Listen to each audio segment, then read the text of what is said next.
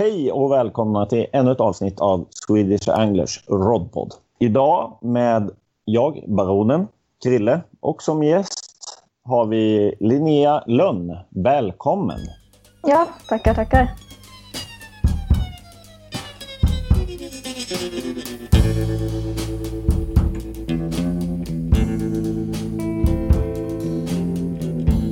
Swedish Anglers Rodpod presenteras i samarbete med Fiskekompaniet. I've had enough of your bullshit to last me a lifetime.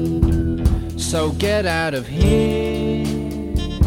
I don't wanna see you Om vi ska börja lite med din bakgrund, var du kommer ifrån, vart ditt fiskeintresse startade och när det sen accelererar till något annat än bara ett, ett intresse, så att säga.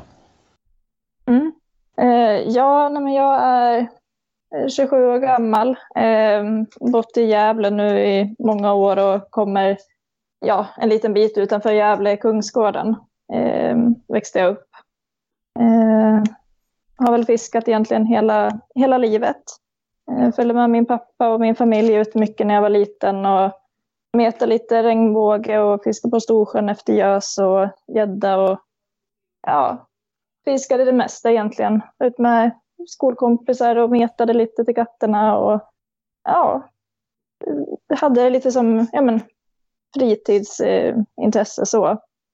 Eh, sen så när jag blev tonåring, det blev inte mycket mer än ja, men ett par gånger per år som man åkte ut och fiska. Men eh, sen när jag började på högskolan, och, för jag, jag är sjuksköterska nu, eh, när jag började plugga till det så började jag fiska mer och mer. Eh, och märkte även att man fick så mycket av fisket. Man fick så mycket själsro och så. Mm. Eh, så då, ja, då blev det mer och mer. Så sen fem, sex år tillbaka så har det blivit väldigt mycket fiske. Det har ju en förmåga att kunna accelerera när man blir tagen av det. Liksom. Ja. ja, just att man, man bygger upp ett intresse och har mål och då... Jag är också som person som lätt rotar in mig i saker och blir väldigt intresserad av saker. Så det, ja, det tog över mestadels av fritiden. Mm. Vet, du, vet du hur många pass du lägger på ett år? Brukar du räkna dem eller skriva ner dem eller ha någon anteckningar kring dem? Ja, dit har inte jag kommit än faktiskt.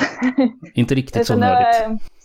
Nej, inte, inte än. Fast man kanske borde bli bättre dokumenterad. Då kanske man skulle ha mer att gå på till framtiden. Men, nej, men det blir väl i alla fall någon gång per vecka brukar det bli. Det beror lite på väder och vind och hur jag jobbar och så. Jag jobbar mycket skift.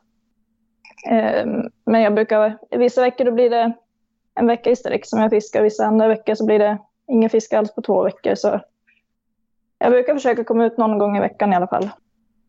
Mm. Ja, då blir det ju det. Mm, ja, verkligen. Nej, det är kul. Det, ja, skönt att komma ut också. Ja, alltså ibland är det väl inte bara eh, för fiskandets skull som man åker, utan ibland kan det faktiskt vara väldigt skönt att bara vara ute och avkopplande, stressa av lite. Mm, ja verkligen. Det var ju så också som jag började fiska mer och mer att, och även kom in på metet. Att, eh, ja, men efter jobbet så kunde jag ta med mig en burk med majs och ett toppnutet metspö och åka ut till men, kusten här och sätta mig och meta. Bara för att varva ner och ja, få lite solljus och så. Ja, svårare ja, så behöver det inte vara. Det är skönt med fisket. Man släpper liksom ganska mycket annat. I alla fall mm. är det så för mig. Jag liksom, det är bara fisket som existerar just då. Så att det är liksom ett sätt för en eh, fullt springande hjärna att lugna ner sig lite. Liksom. Mm, ja, verkligen. Och eh, speciellt med flötmeter tycker jag. Just att eh, kunna sitta och titta på ett flöte och man ser så mycket mer som händer. Mm. Och få läsa av omgivningen. Ja, det, det är konstigt det där med flötmeter tycker jag. Man fastnar i att titta på en liten, liten röd topp hur länge som helst. Man tröttnar liksom inte på det. Uh, det, det, är en uh, udda upplevelse. Om man försöker förklara det för någon som inte metar så tänker de ju att man är helt dum i huvudet ungefär. Mm. Men det, det, är något speciellt. Alltid mm. sådär, just flötmetet.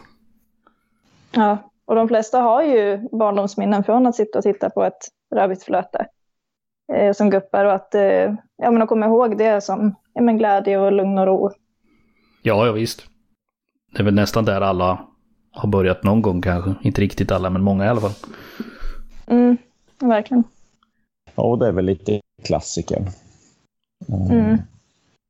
I alla fall de som har börjat sedan de var små, tror jag. Mm. Ja. ja, annars blir det nog om man börjar i äldre, äldre år så att säga. Då, då är det väl, känner jag väl att det är väl lite vanligare med spinnfiske efter typ gädda mm. eller abborre eller något sånt där. Mm. Ja. Jag kommer ihåg när jag var liten, jag tyckte att det var väldigt tråkigt att stå och kasta och köra spinnfiske, för det, det hände ingenting. Man fick inte en app och ingenting kändes så, nej. Så jag, jag tog alltid fram metspöet när jag var ute. Mm. Ja, så, så var det för mig med. Jag stod ju i, i lokala ån här, för det var ju där man hade tillgång till, som man kunde cykla till. Liksom. Det, mm. Jag hade ju alltså spinnfiskegrejer, men det, det vart liksom att man metade istället, för då fick man alltid fisk. Liksom. sarv var ju min stora favorit då. Det tyckte jag var jättekul. Man mm. slängde in, malde ner en hel bark som bara användes som mäsk och slängde i. Och Sen kom salvstimmet och då hade man ju Baloo hela kvällen. Liksom. ja, det, alla har vi någon sån här förknippning till det. Min är lite värre då att jag förstod ju inte vad spinnfiske var när jag var liten så jag kastade i och stod och väntade. Jag förstod ju inte att man skulle veva tillbaka förrän min, min farsa sa åt mig att du kan ju inte bara stå där, du måste ju veva. Uh, så där är ju förklaringen till varför jag är så fruktansvärt dålig på spinnfiske. Jag har aldrig fattat vad det går ut på. Jag, jag vet att Hallensjö har sagt någon gång att han är nog sämst att spinnfiska, men jag tror att jag tar honom. Det är magiskt. Mm, mm. Ja. Så jag, jag håller mig till meter. i sig. Men om vi går ifrån det rödvita flötet då. Hur kom du in på vidare på metet så att säga? Från toppknutet till... För idag kör du ju flötmeter på... Efter sarv bland annat och lite annat. Men det är väl inte med toppknutet längre? Nej, Um, eller ja, ibland fortfarande. Jag, jag tycker fortfarande att det, det, har sin charm faktiskt. Och det är jäkligt jag effektivt. En del, ja, jag har kört en del både ruda och sutare här hemma efter det. Eh, med just toppknutet. Eh, mm. Så det, ja, nej men det, jag håller mig till det fortfarande ibland. Men det är ju såklart eh, roligare med det andra. Men, eh, nej, men jag, jag började med toppknutet ute i skärgården eh, och först använde jag väl mask och maggot. Eh, så, men sen så, så började jag testa med majs. Och då märkte jag att ja, men då fick jag större fiskar och då fick jag mycket sarv. Och sen eh, blev det så att man började testa att ja, man har majsen lite närmare botten och då fick man större fisk. Eh, och sen så började man testa att kasta ut en näve majs och meta på det stället. Då kom det ännu större fiskar och ännu fler fiskar. När, när jag väl fick min, eh, jag tror att jag fick ett par sarvar på runt 40 centimeter eh, mitt i sommaren på toppknutet. Så då tänkte jag att nu vill jag komma lite längre ut och få ännu större. Så då blev det... Eh, jag fick mycket hjälp i lokala fiskebutiken för jag var ute och fiskade väldigt mycket själv. Eh, så då, ja, då fick jag jättebra hjälp där och ja, blev spinnfiske. Eh, fast meter då. Mm. Mm. Så det blev med vanligt eh, abborrspö och jag har alltid försökt att hålla det till väldigt eh, okomplicerat. Att man ska kunna sitta med ett abborrspö och meta utan att det ska kännas konstigt. Ja, det är nog rätt så bra att hålla det rätt så okomplicerat många gånger. För komplicerar man till det, vilket jag har en tendens att göra, eh, mm. så, så, sätter man ju ofta krokben för sig själv. Ja, mm. men sen, eh, sen banar det ju väg och blir väldigt mycket mer komplicerat efter ett tag såklart. Det, det har en tendens att bli så när det utvecklas. Så, så går det alltid mot det komplicerade tills man inser att varför gör jag det så komplicerat för? Men äh, mm. det är ju en del av skärmen också. Ja, men så är det. backar man tillbaka lite då liksom och gör det lite enklare så går det oftast lite bättre. Eh, Mm. I alla fall för mig. Men, men, men eh, där är vi nog alla lite olika. Men det, det, det är ju lätt att nörda ner sig. Man, Mm. man Ja, eh, har ju mycket tid att sitta och tänka och klura. Och experimentera och testa Mm. olika saker och sådär. Eh, Ja, och märker man, att, eh, märker man att det inte hugger, då börjar man på en gång tänka att ja, man ska ha lite ovanför botten eller ska jag sänka ner den lite till? Eller, och så testar man sig fram. Mycket. Mm. Kör du mycket med mäsk och sådana grejer? Eh, ja, det, det gör jag ofta. Eh, jag brukar ofta eh, mäska lite grann och sitta och flötmeta eller köra bottenmeter där. Kör du då vanligt bradbaserade mäskor eller? eh, Ja, i, i början, när jag började testa med mäsk, då, då blandade jag ju själv med eh, ströbröd och havregryn och eh, vaniljpulver och he, hela köret där. Mm. Men eh, sen så började jag testa de här färdiga mäskarna eh, ifrån eh, Swedbait och eh, jag menar, andra blandningar. Och då, Mm. det blev mycket smidigare. mycket mindre kladdigt. Så att, eh, då, då började jag med det mest. Eller så Ja. kör jag bara majs. Mm. Jag, har, jag har gått över mycket på pellets tycker jag är lite kul. Mm. Det har faktiskt funkat ganska bra och kanske låta dem ligga och soka så att du kan liksom trycka i dem i en feeder. Eh, Mm. En vanlig feeder eller en method feeder om man nu kör så. Men, men eh, det är ganska pellets. Det är nästan ännu mindre bök liksom. Kladd. Ja. Men, men, eh, nej, men det är skönt när man har en färdig mäskblandning som man vet binder som den ska och den gör precis det jobbet den ska. Mm. Men det är, ju, Och- det är kul med att experimentera med sånt som man, man behöver nog ha gått den vägen också tror jag. Blanda lite själv och, och just få förståelsen lite med kanske kring vad som funkar och inte och så vidare. Mm. Mm. Sen är det ju lite kul, och, även om man har de här färdiga blandningarna, att liksom spetsa till dem kanske då. För att få ytterligare lite mer spets till eh, sutare eller eh, sarv till exempel. eller så. Jag gillar ju att köra Mm. mycket citrus på sarv. Det tycker jag är väldigt effektivt. Okej. Mm. Jag brukar pressa i några citroner i mäsket och sådär. Eh, och ibland har jag i lite eh, så här pulvergrädde eller något sånt där. Bara för att det ska bli riktigt, ett riktigt moln. Liksom.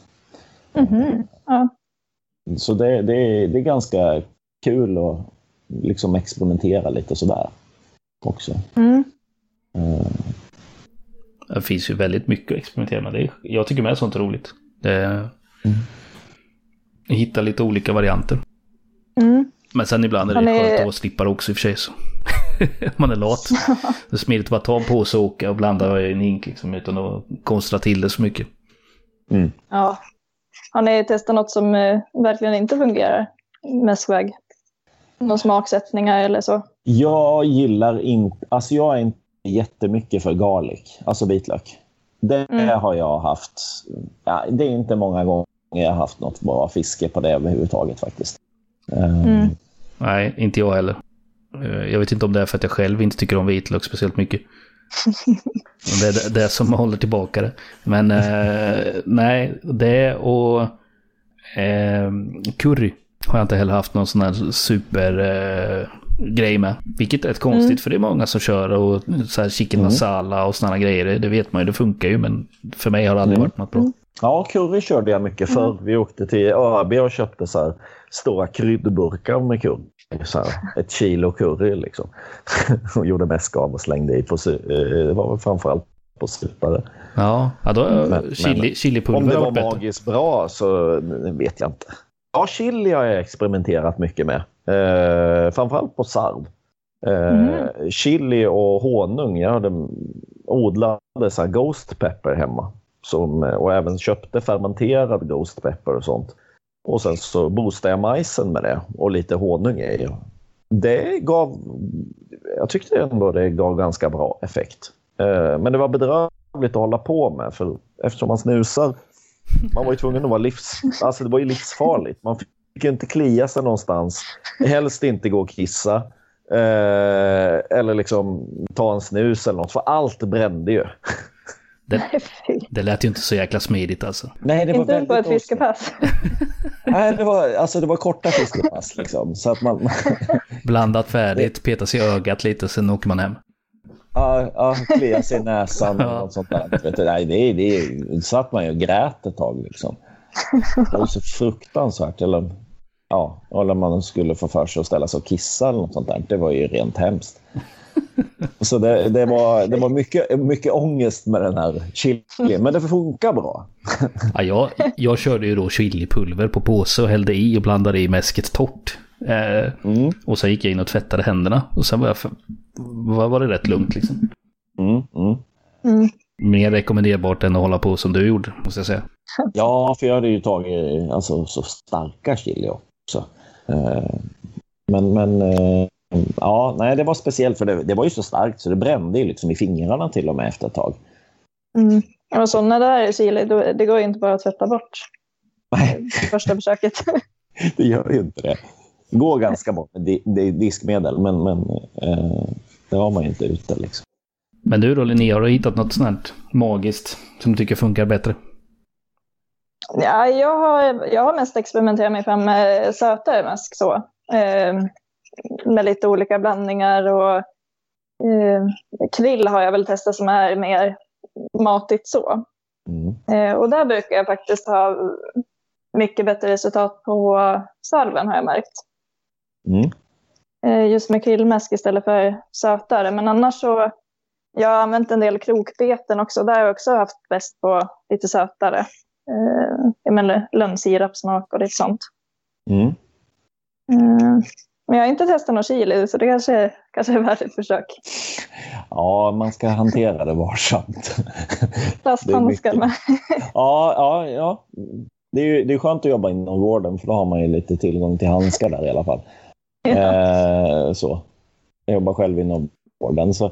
Men, men Ja. eh, jo, det, det, det underlättar, men det går ju inte att fiska med det på sig. Liksom. Jag såg faktiskt något tips eh, om man ska fiska ute när det är vinter och blir blöt om händerna och det är kallt och så. Att man ska ha typ plasthandskar under och sen vanliga torghandskar utanpå. Att det, Mm. det ska vara, säger men man behåller lite känsel och sånt. Men jag, jag, tänker mig på en gång att man kommer få hål på de där handskarna. Mm, det gör man. Köpa så här diskhandskar. Så här grova, Ja. gula, långa rackare. Ja, vilken fin känsla man får Ja. Fingrarna kommer att vara som tvättsvampar när man kommer hem.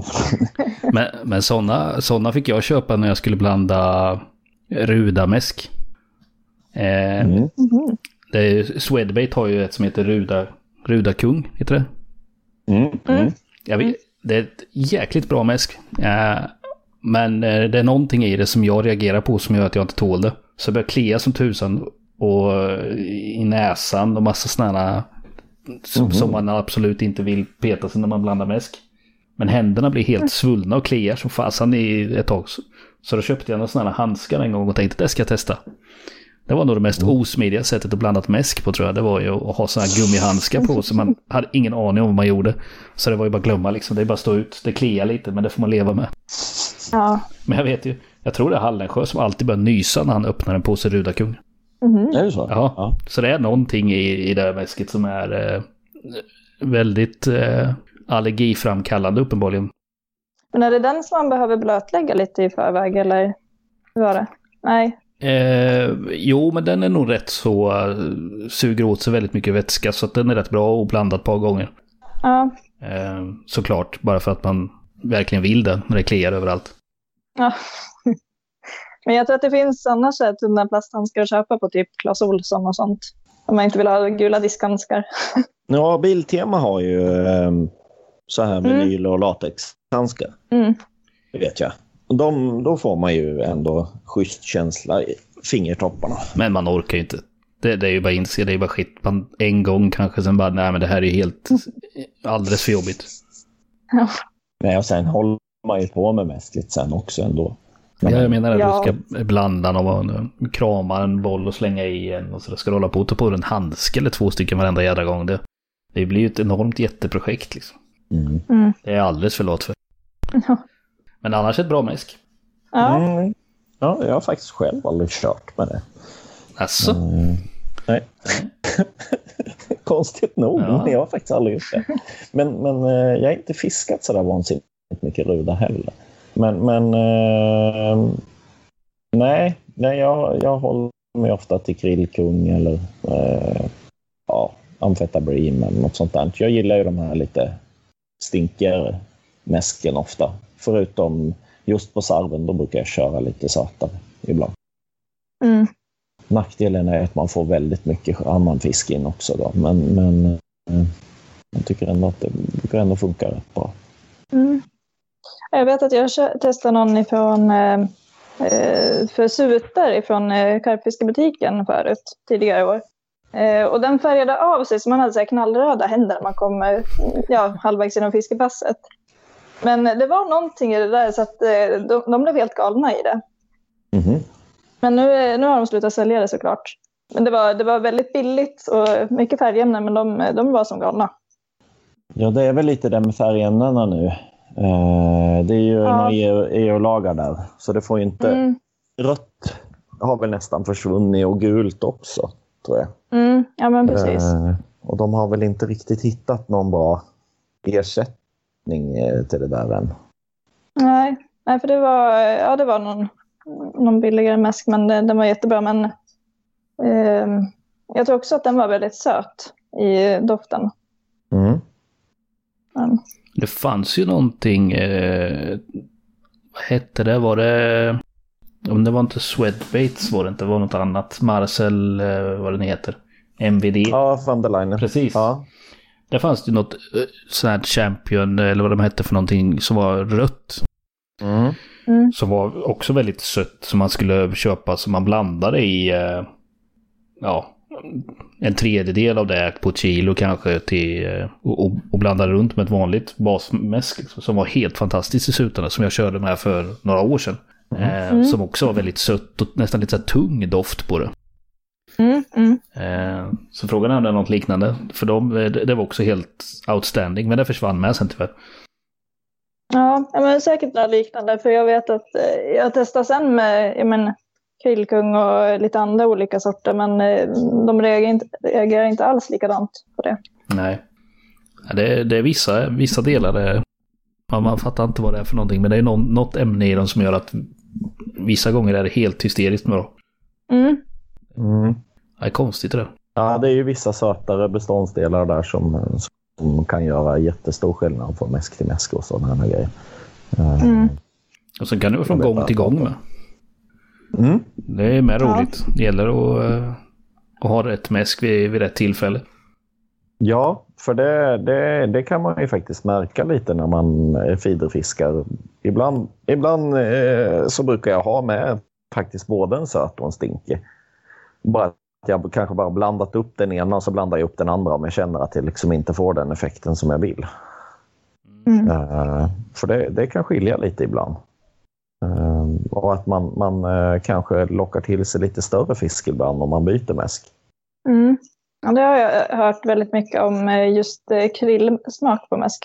Att eh, det kan både vara väldigt bra och väldigt dåligt på vissa fiskar. Mm. Att de eh, nästan äter sig mätta på det. Eller att de blir bara inriktade på det. Ja, Det- ja. men eh, kör du mycket liquids och sprayer och boostarbeten och sånt här också? Ja, lite av och till faktiskt. Mm. Eh, kör, jag, kör jag mycket bottenmete och, och så, då, då kan jag göra det ibland, beroende på. Eh, jag har kört lite, lite med dipper. Eh, ja, men har jag kört mest med. Mm. Eh, och likaså med spray. Jag har någon, eh, ja, som skulle vara för någon brax och sånt, så, som jag också tycker, det är också lite sötare. Mm. Men annars så, ja, jag brukar, tar jag majs så brukar jag låta det ligga i mäskhinken och ta därifrån ofta. Mm. Får det lite smak och så. Ja, jag, jag, jag vet inte hur du är Krille. Är du dippfanatiker? Ja, Inte som jag var innan. Eh, Nej. Jag har varit, då kunde jag ha med mig så här 6, 8, 10 olika flaskor med mig på ett pass. Men det, jag insåg att det var jättejobbigt att bära runt på. så, så då fick man liksom välja ut en söt och en eh, stinkare. Och eh, hoppas på det bästa. Eh, men, mm. men, of, men oftast hittar man någon favorit som man tycker funkar på någon art sådär. Eh. Mm. Eh, men jag, jag gillar ju jag gillar ju att hålla på och experimentera med sådana saker. Med, alltså, kanske lägga majs i en dipp någon dag innan jag ska iväg och fiska. Och, och se om den gör någon skillnad om jag fiskar med, med vanlig majs eller en sån majs och, och lite sådana här saker. Men nu, mm nu sista två åren har jag hakat upp på de här Pescaviva-majsen igen. Eh, mm. Mm. Ja, det är någonting i dem som gör att du, du, du får liksom kanske färre fiskar men den, den har någon förmåga att selektera ut de lite större tycker jag. Jag vet inte vad det är men jag, jag har fått för mig det. Mm. Jag tror att vi eh, diskuterade tidigare också att eh, för jag, jag hade ett pass efter Färna, eller nej efter mm, Ruda här hemma. Eh, och satt och testade den här Prescaviva majsen med vaniljsmak. Jag tänkte att ja, det var väl inte så stor skillnad ja, men från vanliga majsen. Men då, inte ett hugg alls, inte ett pet. Och det bubblade runt omkring i hela pölen. Men inte ett hugg. Det var någon gång som de simmade in så den gungade till. Efter, jag tror att det var så här, ja, men jag satt med det i fyra timmar och verkligen försökte få ett hugg. Och eh, nej, så jag, jag gav upp, så jag bara att ja, nej. Så jag tog en majs ifrån eh, mässkinken. Och innan eh, flötet ens hann ställa sig upp helt, då hade jag fisk. Mm. Så att de, eh, men de kan ju vara knepiga överlag. Så eh, du vart inte såld på Pescaviva-majsen alltså? Nej, men eh, annars på serv och sånt, då har jag haft jättebra på det. Så att, eh, mm. Men ja. ruderna här i den här bölen, de gillar inte den. Nej, Tutti Frutti och Scopex eh, Pescaviva brukar ju vara jättebra på salven. Mm. Det är mina två favoriter. Men det är ju något skumt med Pescaviva-majsen. Eh, för den är ju söt, den luktar ju sött och, och så. Men eh, jag vet, jag har haft några burkar stående nere i garaget och sådär. För de, de är ju lite onödigt stora ibland kan jag väl tycka så. Eh, mm. För man gör ju inte av med så mycket majs. Men, men, men eh, då har den stått öppen och då hade jag väl någon annan majsburk som stod där nere också. Och den var ju full med myror. Men på Pescaviva-burken fanns det inte en myra. Inte en enda. Det var okej. Okay. Det var lite skumt. Ja. ja. Det, det är jättekonstigt. Mm. Men det har en förmåga, som du säger Krilla, att, att selektera ut stor fisk. Du får sällan liten fisk på Pescaviva-majs. Mm. Nej, det är, det är konstigt. Men eh, smidigt måste jag säga. Jag gillar det. Sen, eh, mm. sen har man ju... Den, den effekten har man ju kanske inte fått om man har testat med att dippa egna vanliga majs och låta dem ligga och dra i kanske 48 timmar i någon, någon dipp av något slag. Man, däremot så får man ju mer eller mindre fisk på dem. Eh. Mm. jag tycker väl att jag, jag, brukar, jag brukar ha med mig tre, fyra olika sorter ungefär. Uh, och så brukar jag squirta i en skvätt. Jag tycker att låta dem ligga och soka för länge tycker jag, och har man en väldigt söt uh, booster eller vad man ska säga, den har en förmåga ibland att dra ut majsen. Alltså den drar ur fukten och majskornen så de blir nästan platta liksom. Uh, så jag brukar försöka att dippa precis. Ja, ja no. Eller, de kan ju bli lite mjuka ibland såklart. Ja. Oftast så är flötmetat väldigt nära land så då, eh, då är det inga problem att få dem att sitta kvar och sådana grejer heller. Så att jag, jag har nog inte haft det problemet men så. Eller jag har inte tänkt på det i alla fall. Det kan vara så att det är vissa sorter som jag använder som majsen reagerar så på. Kör, mm. Eh, kör för fin sort majs. Det ska vara en favorits billiga söndersötade. Ja men det är ju oftast de som är bäst, de här billiga, billigaste majsen, tycker jag. Ja. Men det, det är ganska stor skillnad ändå på olika majs, ja, märken på majs ute i butikerna. Ja, ja. Mm. Det... Ja, så de här dyra majsen, de är ju de är oftast de är så mjuka och fina och sådär. De andra är lite hårdare skal på och oftast mycket mer socker i. Mm. Ja, det, det är skillnad. Mm. Ja. Men vi kan hoppa mm. vidare ifrån eh, mäskdiskussionerna lite och komma in på, på nästa del. Eh, nu är vi inne och snurrar kring metet ju. Uh, vilken art har du som favorit? Vad är det du tycker är roligast att meta efter? Ja, jag har ju faktiskt uh, Eh, jag har ju ja, Dalälven och så nära, nära här. Eh, så att vi, vi har ju väldigt bra med meter så, men eh, ja, sarven står nära hjärtat. Det, det var den jag började med lite grann och kom in på och började testa mig fram och har lärt mig mycket av. Eh, Men även sutar och vimma har jag som favorit. så. Mm. Vimma har vi ju här hemma i Västerboån och i Gavlån. Mm. Den har du Ja, runt knuten. Vimma fick, Vimma fick jag min första bekantskap med nu i... Jag hade aldrig fått någon Vimma innan eh, när vi var i Dalälven. Det tyckte jag var Jaha. fantastiska fiskar. Mm. Nej, nej jag, jag har varit en hemmafiskare så jag fiskar mycket i hemmavatten här bara. Eh, så jag har inte rest runt och fiskat sådär jättemycket. Alltså, till viss del har jag gjort det ändå. Så, men jag har inte varit, Dalälven har jag inte varit i så det var premiär. Eh, Ja, vad kul. Men det var, det var roligt. Fick, fick vi en 30-40 vimmar eller något sånt där tror jag. Du fick Eh, väl en, en fin också? Va? Ja, nio, jag fick någon på 9 45 eller något sånt där. Mm. Eh, Rosen fick ju en på 1100 någonting. Mm. Eh, men det var, nej, det var, det är häftiga fiskar alltså. Det är bra fight i dem. Ja, verkligen. De, eh, de kommer ju ändå upp i så pass storlek och ser lite annorlunda ut. Och, eller helt utfärgade hanar kan ju se helt magiskt fin ut. Ja, sådär sotig och sen så röd på magen. Och, ja, Mm. Ja, otroligt jag har sett dem läckra. som har blivit helt kolsvarta och sen så orange buk. De, de blir jättehäftiga. Mm. Ja, jag fick någon sån, en lite mindre. Den var riktigt läcker alltså. Mm. Och så just att de är lite lugna tills man får ut dem ur strömfåran. Sen, sen jäklar vad de satte igång när de förstod att det var något de var tokigt. Ja. Men det är fantastiskt märklig fisk, vimman. Eh, Mm. Vart tar den vägen? När den inte, när den går tillbaka ut igen. Nå, Mm. Någon har hittat den extremt långt ut vad jag har fattat i havet. Äh. Mm. Men det, Jag tror att jag har sånt också, att de, eh, de finns långt ut. Men att, eh, ja. Men jag, jag tror att de lever i ännu större stim då. det känns ju som att det måste vara något sånt. Men det är konstigt att liksom ingen, någon, eller någon har ju säkert provat någon gång. eh, Men i det stora hela, det är ju ingen som försöker fiska efter dem någon annanstans än. Utan det är ju verkligen en sån här Nej. hemlig art. Den kommer upp, han stiger väl två gånger om året med va? Mm, ja, främst på våren, men i eh, Älvkarleby och Dalälven då, eh, kom, då stiger de ju upp även på hösten igen. Ja. Mm. Och det är också en sån här grej. Vad är det som gör att de gör det? Mm, om det är maten eller Ja, något precis. sånt. Men då, borde, då borde de ju gå upp även på, vår, eller på hösten här i ån också. Ja, nej, jag tycker det är sånt fascinerande. Vad är det som triggar dem och vad är det som gör att de vandrar ut?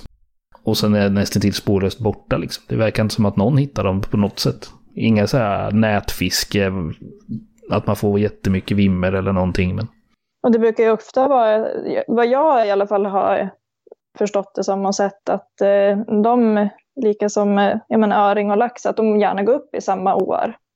Att det är olika bestånd i olika år lite grann. mm. Eh, att ja, men där, de, där de föds, där går de gärna upp igen. ja. Men då är frågan, är det, så, är det likadant på hösten om de går upp då? För då är det ju inte för lek. Nej, Det är just den där höst, just den där höststigningen är lite udda. Det är ju... Iden är ju lite likadan med som också Mm. får för sig att vandra upp i åarna på, på hösten. Men där tror jag det kan nog vara mat, vattentemperatur kanske. Eh, Mm. Men jag menar vimman då som är väldigt långt ut, uppenbarligen i havet och sen stiger tillbaka igen. Ja. Ja, det, så, sånt, är, sånt är roligt. Det förbryllar. Mm. Mm. Det vore intressant om det gjordes någon, någon studie eller forskning på det, att man satte någon, någon sändare på någon och Ja, tog reda lite på vart de går och hur de beter sig och så. Ja, det är tyvärr lite för lite sånt på, på andra arter än de mer, eh, vad ska vi säga, kända. Mm. Det är ju det är ju ingen riktigt som vet så mycket om de här vitfiskarna. Tyvärr. Eller så är det Ja. där fast vi inte vi vet om det så får vi väl höra det i sådana fall. Får Ja, säger, det är väl bra. Då får vi ju reda på det. säger förlåt redan nu. är det någon som vet så hör av er. Ja, precis. Skriv en artikel till oss om varför vimman eh, stiger två gånger och var den tar vägen någonstans. Skicka till oss. Mm. Vi vill veta. Ja, vi vill veta. Jag är nyfiken. Men, eh, ja. Ja. men då är det sarvfisket. Har, du- har du kört ett tag nu då? Mm, ja, men precis. Eh, Det har blivit några år nu. Eh, Främst ute här i skärgården. Men ja, det finns många ställen som eh, att utforska på och, och testa sig fram. Man får ju sina favoritvassruggar, men det finns ju på så många andra olika ställen också. Mm. Men det är ju rätt bra sarvfiske där uppe i storleksmässigt. Mm. Ja, det, det har ju kommit upp några över 1300-1400 vad jag vet. Ja, det är det. Ja, det, det är ju riktigt här. fina sarvar. Ja. Det är ju en riktigt snygg fisk, sarven också. Mm. När de är sådär guldfärgade med sådana knallröda fenor. De är ju riktigt läckra. Ja, ja, men så fort de kommer upp eh, närmare kilot då, då får de ju helt andra fjäll och form på kroppen och de blir ju, de blir ju mycket större på en gång. Mm. Det blir en annan fisk. Mm. Det är, det är ju vissa arter som har det där. Att när de blir riktigt stora då blir det nästan som en helt annan fisk. Liksom. Det, är, det, det är jättestor skillnad på dem. Mm. Ja, färnan är ju en sån där fisk som i alla fall kampmässigt känd tycker jag. När de liksom blir större. De blir så fruktansvärt starka när de får lite storlek på sig. Liksom. Ja, Mm. och, och en, en annan... Alltså kroppsformen nästan blir på ett annat sätt på dem också när de blir större. Fjäll och allting blir mycket större. Det, det, Mm. det, det blir som två olika arter om du väljer en. Ta en färna på ja, över 2,5 kontra en som väger 1,6, 1,7 så är det som två olika fiskar. Mm. Och det är lite samma sak med sarv. Om du tar en sarv på ett halvt kilo kontra en sarv på ett kilo. Då. Det är också två väldigt skilda fiskar egentligen fast det är samma art. Mm. Men lika med de flesta fiskarna där tycker jag att eh, både vimma och björkna att eh, det syns skillnad så fort de kommer upp mot, ja, mot kilot och 8 hektar.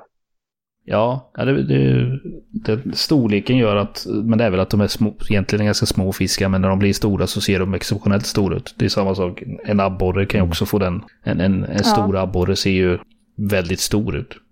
Mm. Ja, och mörten tycker jag är en sån här typisk fisk. Mm. Alltså en riktigt stor mört ser ju nästan bisarr ut. Ja, För man är, man är så van vid... Och det var väl så med eh, abborrarna också. För det är ju liksom tusenbröder och småmörtar. Det är ju liksom det vanliga.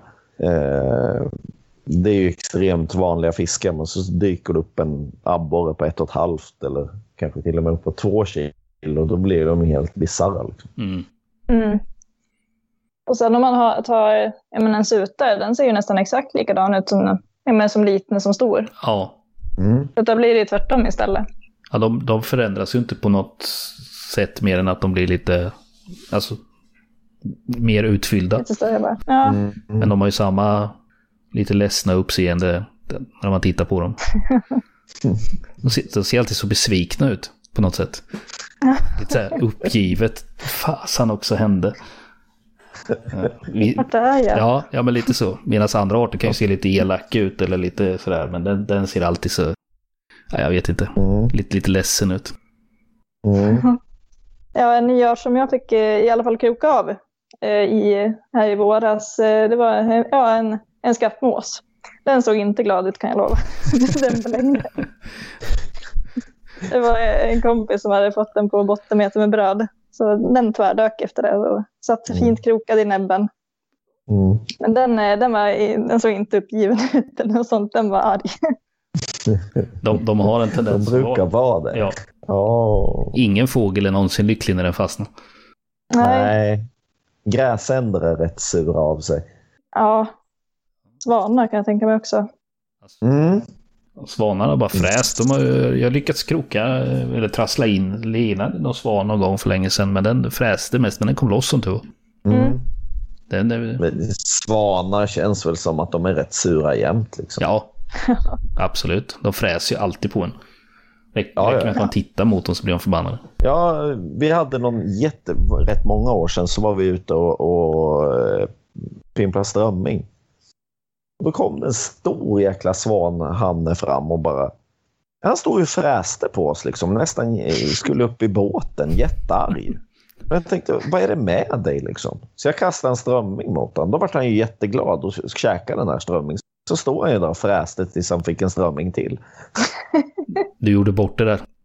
Ja, ja, ja. Det är sådär. Han hade lärt sig det. Precis, ger man lillfingret tar den hela handen. Då ska han ha med. ja, ja, ja. ja han bara stod där och fräste Mm. hela tiden. Liksom. Det är ungefär som ja, men klickerträning med hundar. Att gör de någonting, de ska göra ett beteende så här, men, eh, och då får de en belöning. Då gör han det beteendet igen och då får han också en belöning. Så det är Mm. perfekt. Så du lärde den Mm. att fräsa helt enkelt. Ja. Perfekt. Perfekt för en stor fräsande svan. Ja. Kan ha med den. strömming året om. Ja. Ja, ja, ja. Kan ha den i båten Ja, så det åker runt så fräser den på folk. ja, ja den, det, det är frässvanen. Ja. Den ute i Skeppsgården där ute någonstans. Perfekt. Ja. Mm.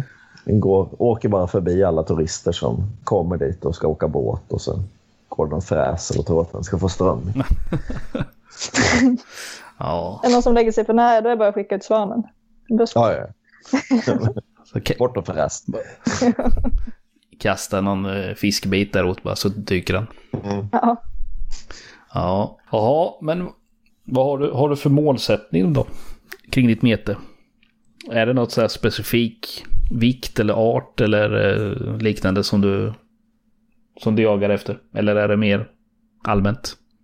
Eh, det har ju, ja, målet eh, hela tiden har ju bara varit att eh, få, eh, alltså, få bort eh, tankar på jobb och all stress och press och bara komma ut och fiska. Men sen har det ju blivit eh, mer och mer mål att man, ja nu vill jag få en fin av den här och nu lägger jag en liten satsning på det här och lär mig lite nya arter och nya metoder. Och, så det har, det har ju blivit en del men jag tror att främsta målet är väl att försöka hålla fokuset på glädje och att kunna inspirera och ja, men, bara ut och fiska. Jag tror att det, det blir lätt så att man glömmer bort det. Men sen är det ju såklart också att man vill, man vill få en lite större eh, fisk av någon art och ha lite, lite nya PBn som man vill nå- nå. Mm. Men det är ingenting sådär som du, du sätter upp tio olika mål på eh, början av året och så, så jagar du dem. Mm, så har det varit mer för nya arter eh, tidigare. Att eh, jag vill få ett, ja, ja, jag vill nå upp till 50 arter på ja, det här året eller så. Men eh, storlek på fiskar har inte jag haft riktigt samma målsättning med. Utan det är mer att eh, ja, jag ska försöka få en sarv över kilot i år eller så. Mm. I år så har det väl inte blivit så jättemycket med tanke på eh, ja, läget i världen med corona. Och, utan det har mest varit att eh, jobba eller försöka komma ut och fiska bara. Ja, det har ju varit en speciell tid. Onekligen. Definitivt. Men vi skiter i coronan. Eh, Ja, för Mm. alltså. du var inne och pratade lite kring det, där med artjakten. Eh, Mm. det, det var ju något år sedan så var du ju ute på västkusten och fiskade bland annat. Eller var det förra året? Mm. Nej, två år sedan kanske. Ja, det var både förra året och två år Ja, sedan. du ser. Ja. Eh, nej, men för två år sedan då eh, bestämde jag mig för att jag, jag vet det, eh, inte bil eller körkort än. Eh, det, förhoppningsvis så blir det av om en månad. Mm. Eh, men, eh, men då tänkte jag att, för då hade, fick jag min semester och hade inga planer alls och bara att nej men nu, nu ska jag åka iväg och fiska. Jag packade ihop eh, tre väskor och så åkte jag en tåg ner till västkusten och fiskade där en, ja, en vecka helt själv. Och det var ju en utmaning. jag visste inte alls vad som simmar där eller vad, vilka arter som ens fanns i Sverige. Och är de giftiga? Har de tänder? Och, ja. Mm. Men det var ju, det var ju världens utma utmaning och upplevelse. Fick ju, jag kommer inte ihåg hur många arter jag fick på den här veckan, om det var 15 nya arter. Mm. Som jag aldrig någonsin hade sett eller vet vad de, vad de var för något. Vad roligt. Mm. Och då, då blir det också att man, ett annat tänk med, för jag metar ju väldigt mycket där också. Men att det blev lite mer, eh, lite enklare tackel och lite mer upphängare. Och då fick man ju också ett annat tänk och lärde sig väldigt mycket knutar för man satte sig hela tiden i botten där. Men det var, ja, det var en rolig upplevelse. Så nu har jag 58 stycken arter i Sverige. Ja, det är bra jobbat. Ja, Men är det något som du fortfarande tycker är roligt att göra? Sådär som du tänker att ja, men jag ska planera in någon resa framöver eller? ja, ja men det tycker jag. Eh, jag var ju ner på, eller ut på 10 graden förra året. Mm. Eh, och fiskade på ja, mellan 250 och 400 meters djup. Mm. Eh, fick eh, två olika hajarter och lubb och ja, det var, jag lyckades kroka på en hårkärring också men den kom inte upp. Mhm. Men, nej, men det, är absolut, det är jätteroligt men eftersom jag bor så pass långt bort så blir det inte mer än eh, max två gånger per år ungefär. Men jag har väl tänkt att åka dit någon gång nu i, i sommar och, eh, eller i höst. Försöka, försöka mig på någon, någon mer art. Ja, det är ett speciellt fiske det där på så djupt. Mm. Eh, Om man åker ut med båt så. Mm. 250 till 400 meter, det är ju liksom det är en bit att veva. Ja, det, det, det var nog det värsta. För man har ju ordentliga sänken också för att komma ner till botten fort. Så då har man ju ett halvt kilo till ett kilo i sänke. Och så ska man veva upp det. Så att bara uppvevningen tog ju tio minuter, en kvart någonting. Mm. Så när man kommer upp då ska man släppa ner igen. Så kanske man hade en fisk på några kilon där på andra sidan och då var det ännu tyngre att veva upp. Mm. Så, ja, det var träningsverk när man kom tillbaka. Det, det är taskigt om man tappar fisken precis vid ytan. Ja, Gjort, gjort allt förgäves liksom på något sätt. Det, halvvägs kan man väl ändå köpa, men precis det där. Den är ju taskig. Ja. ja, fördelen med vissa av de här, jag tror att det var just eh, lubb och torsk tror jag att det var. Fast torsken fick vi inte där ute, men eh, just lubben, då eh, simblåsan den eh, poppade upp på en gång. När vi väl började komma uppåt. Så att, eh, då fick man ju lite hjälp på traven att den flöt upp. Mm. Så där, där var det inte något catch and release, utan det blev ju matfiskar. Mm. När vi var ute så fick vi inte så jättemycket sånt, utan vi fick väl någon lubb och långa och ja. Och sen var det lite ja, men blåsexa och Mm. vi fick även en pigghaj. det. Det Det är är coolt var Ja, ja men vad som eh, simmar i svenskt vatten. Det är Mm. häftigt. Ja, Men även från, eh, från land där, då kan man ju komma ner på 50-100 meters djup. Så att då, eh, det finns ju jätteroligt fiske och det finns ju så många olika arter som det, det upptäcks ju nya arter också. Ja, det är med häftigt. Alltså att vi fortfarande upp, Mm. upptäcker nytt. Även att det är liksom 2021. Eh, Ja, Vem är det nu som har flest arter, vet vi det? Det är, någon, eh, Ja. det är några stycken där som kamperar om det på en 115-120 arter, eller vad är det? tror, Ja, eh, jag tror att det är, ehm, det är 118 som man har, han som har flest. Ja, Mm, ska vi se här. Ja, 118 det är Lars Örnskov. Sen ja, nästa är tre stycken på 108. ja, det, det är ett gäng. ja. ja det är häftigt. ja. Ja, Just 118 olika arter i svenskt vatten. Det är, och bara att få dem på krok ja, också. De ska vara rätt Mm. krokade i munnen och hugga på vetet. Mm. det är inte många av de där 118 som är superstora. Nej. och sitta där med en liten, liten nålfisk som inte ser ut som mer än ett litet grässtrå och försöka få den att hugga på en liten, liten krok med en pungräka. Ja, Det är, ja, det är tålamodsprövande men det är roligt också sen när, det väl, när den väl sitter. vilken fight. Ja, Kanske inte... det är nästan som man bäst man behöver har- förstorings... Rullen i skick liksom. Ja. Ställt på. Ja, måste vara ställd i botten. Stenhårt den. Sätta mothugget. Ja. Nej, men det är inte... Man förstår ju vad det är som är häftigt med det. Det är ju liksom att, lyckas. Men eh, ja, det är coolt.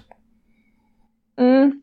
Men det är just att eh, få se och man får ju en väldigt förståelse för olika arter och även hur fisken beter sig. Och, ja, men ska jag fiska någon predatorfisk så vet jag mycket mer med tanke på att man vet alla betesfiskarna och vart de håller till och deras beteende.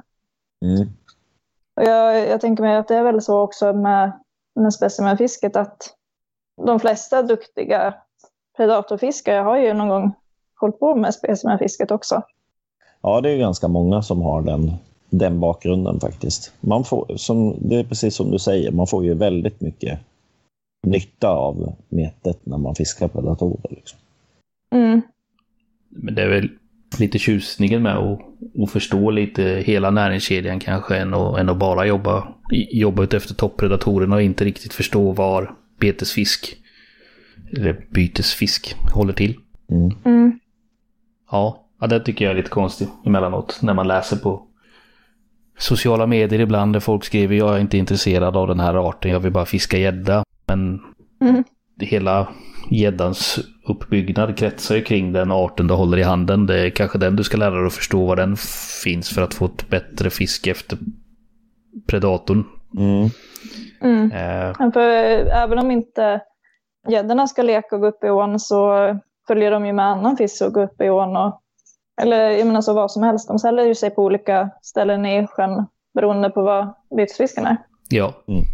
och det är logiskt. Men eh, eh, det, det är många som inte är intresserade av det. Men, men sen så kanske samtidigt så deras intresse är väl eh, Ja, inte svalare ska jag inte säga, men inte på samma nivå som man själv har lagt sig på kanske. Så eh, Nej, det kanske är lite ytligare det, Mm. det, det, planet. det ska ju låta vara osagt, men för mig är det det mest logiska. Det är ju att försöka förstå eh, vad de är, varför och så vidare. Mm. Mm. Men sen är man väl kanske inte som alla andra heller. Förstå mat. Alltså maten, det är ju oftast maten som är det viktigaste för alla fiskar. Liksom. Förstår man maten, då, förstår, då, kan man ju, då kommer man ju lyckas. Mm. Ja, då har i alla fall en större chans. Eh, Ja, för det är inte ofta en fisk uppehåller sig någonstans som det inte finns tillgång till mat. nej, Nej. väldigt sällan. Sen finns det de här eh, lyckokasten. Där det, Ja, det, det mest ologiska kan hända så att eh, man ska aldrig säga aldrig liksom. Men eh, i det stora hela så vinner man nog mycket på att efterforska och fundera och läsa på. Mm. Ja, och eh, vet man vad det är för eh, vad de äter just det vattnet så, och fiskar med sådana beten så då har man ju större chans för att få dem att hugga. mm. ja och framförallt då i, som sutaren till exempel. Det kan ju vara världens svåraste fisk ibland. Mm. Eh, när de har väldigt god tillgång till naturlig föda. Ja, Då kan det ju vara nästan omöjligt att få dem att hugga. Alltså. Det är en fet, det är en fet rätt placerad dagmask möjligtvis. Det har de ju svårt att låta bli. Men, men jag vet vissa sjöar här uppe där det liksom knappt funkar med boilies och sånt. Medan andra sjöar det sveper det bara upp dem på boilies.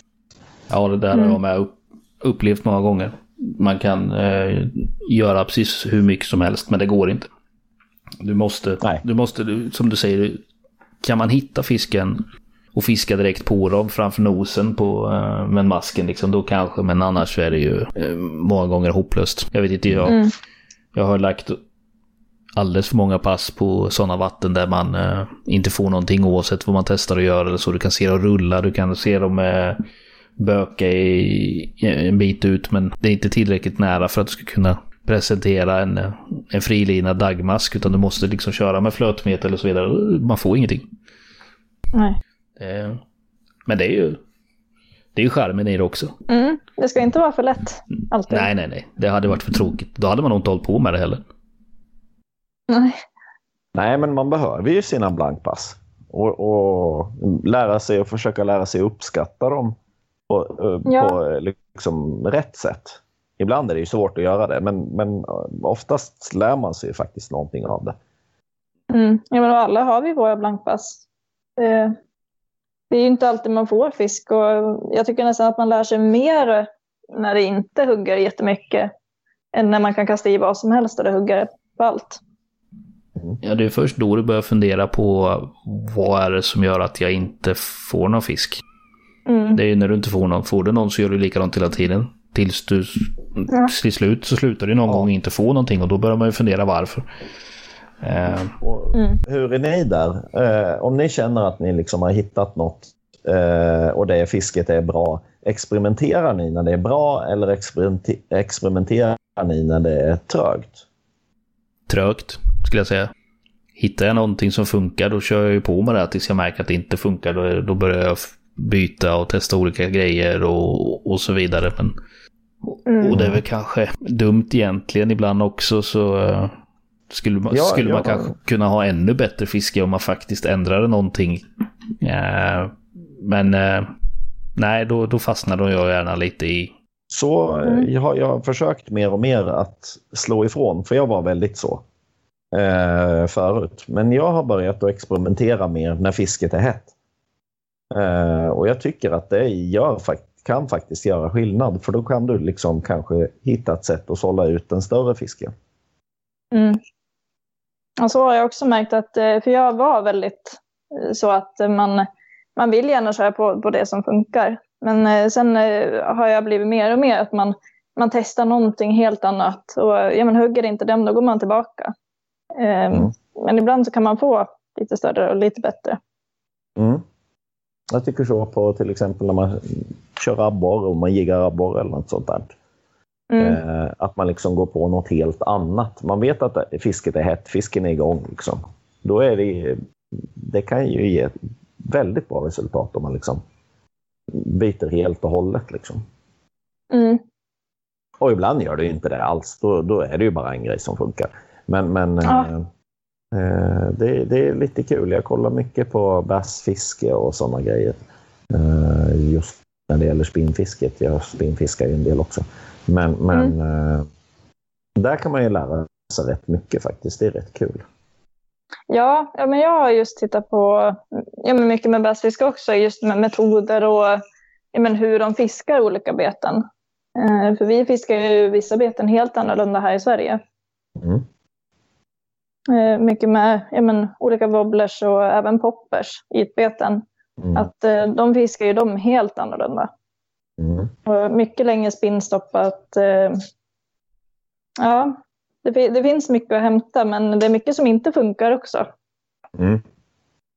Ja, jag kör mycket med alltså, amerikanska eller eh, bassjiggar och bassbeten. Så det är ju i stort sett samma sak. Men det finns mycket roliga jiggar i bassvärlden. Mm. Jag vet att jag, eh, jag, jag när jag har fiskat eh, abborre så det var just en, en kväll när jag var i, i ån så, så ja, men jag lyste ner vattnet och tittade runt lite grann vad som hände och då såg jag jättemycket stora hästiglar. Eh, lite så här halv mörkgrön bruna eh, med lite prickar på. Det, de kröp ju där på botten och de vågade sig fram när det var mörkt. Sen eh, var det en dag som eh, ja, men ingenting funkade. De högg inte på någonting. Och då satte jag på en liten maskig i den storleken och färgen. Och då började det hugga ordentligt. Mm.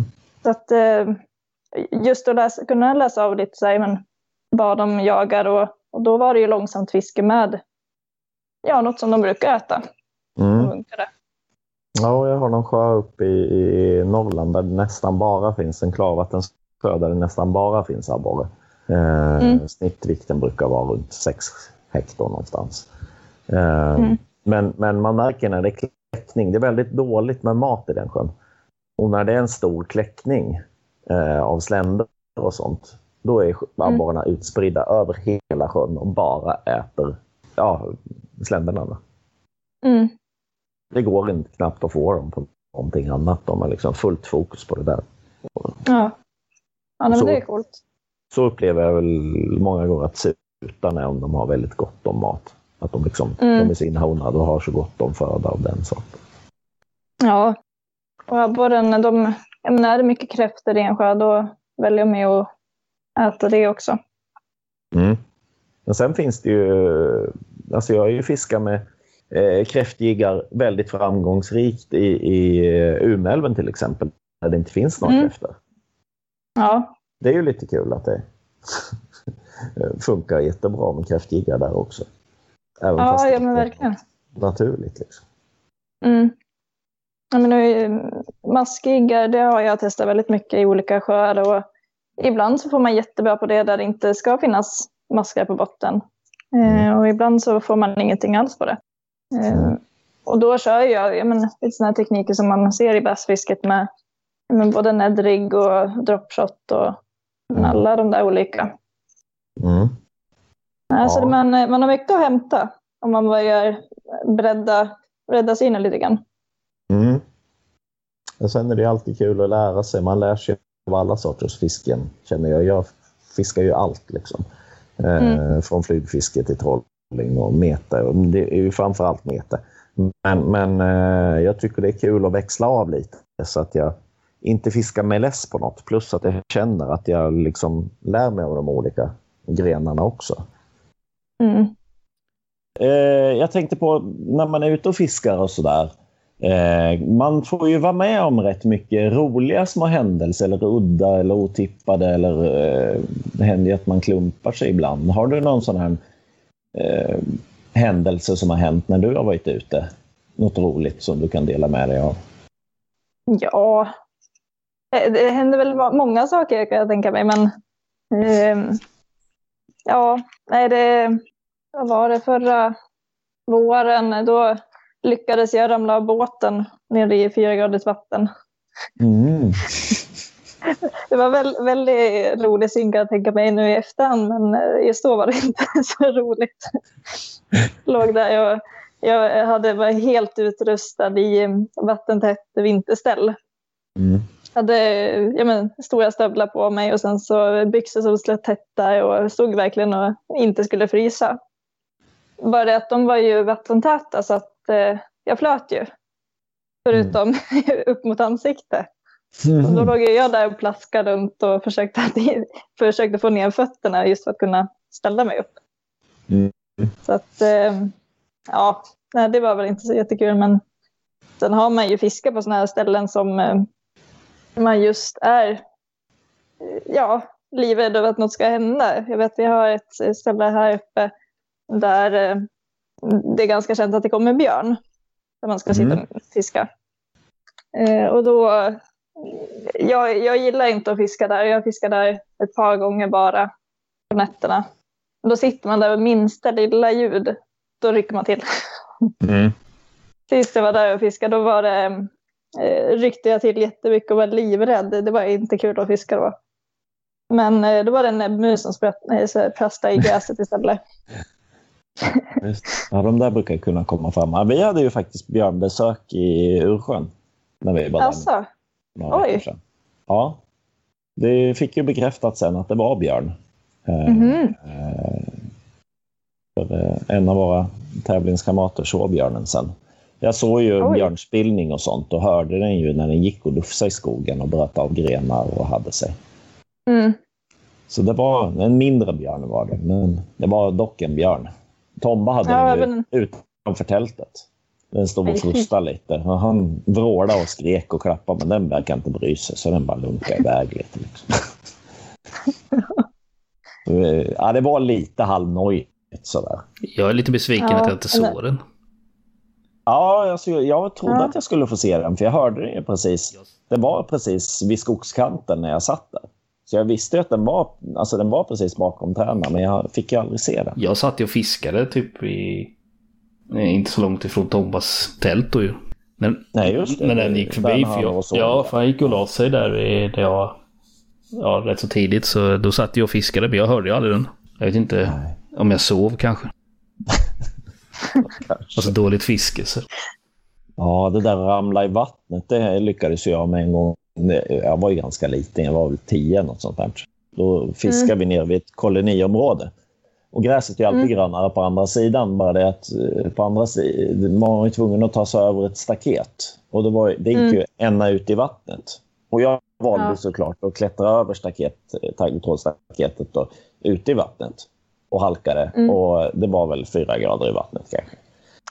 Eh, och hängde upp och ner, för jag lyckades ju linda in benet i taggtrån. Så jag hängde upp och ner, så jag var ju bara blöt från, från midjan uppåt. Ja, Det var inte lätt att ta sig därifrån när man hängde i taggtråd. Hon stack in i benet. Det bara hängde Nej. och skrek och plaskade och bubblade. Ja. Vilken syn. Ja, för, Ja. ja.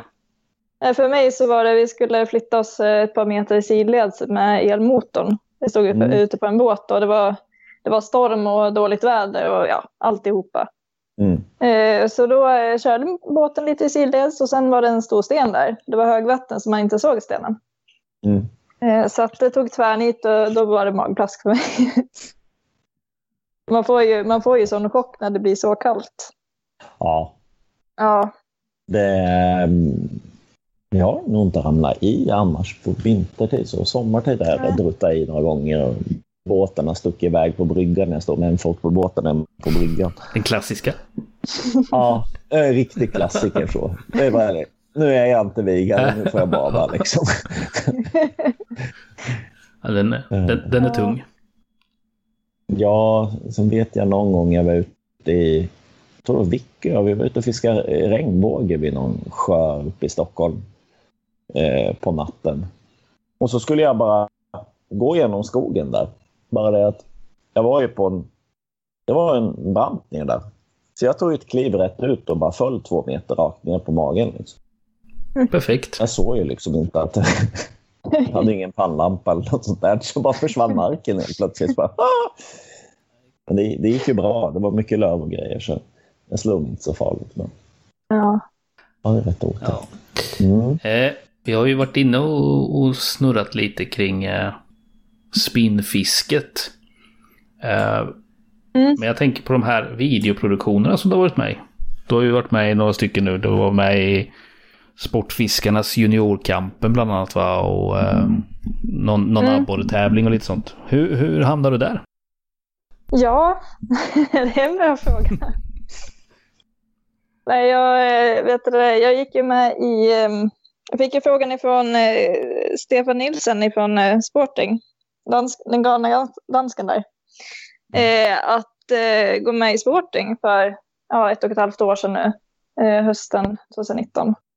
Eh, och eh, ja, nej, men det, det var väl på den vägen som jag eh, blev medbjuden att vara med i Perch Pro, abborretävlingen där. Mm. Mm. Och den sändes ju i vintras vet jag.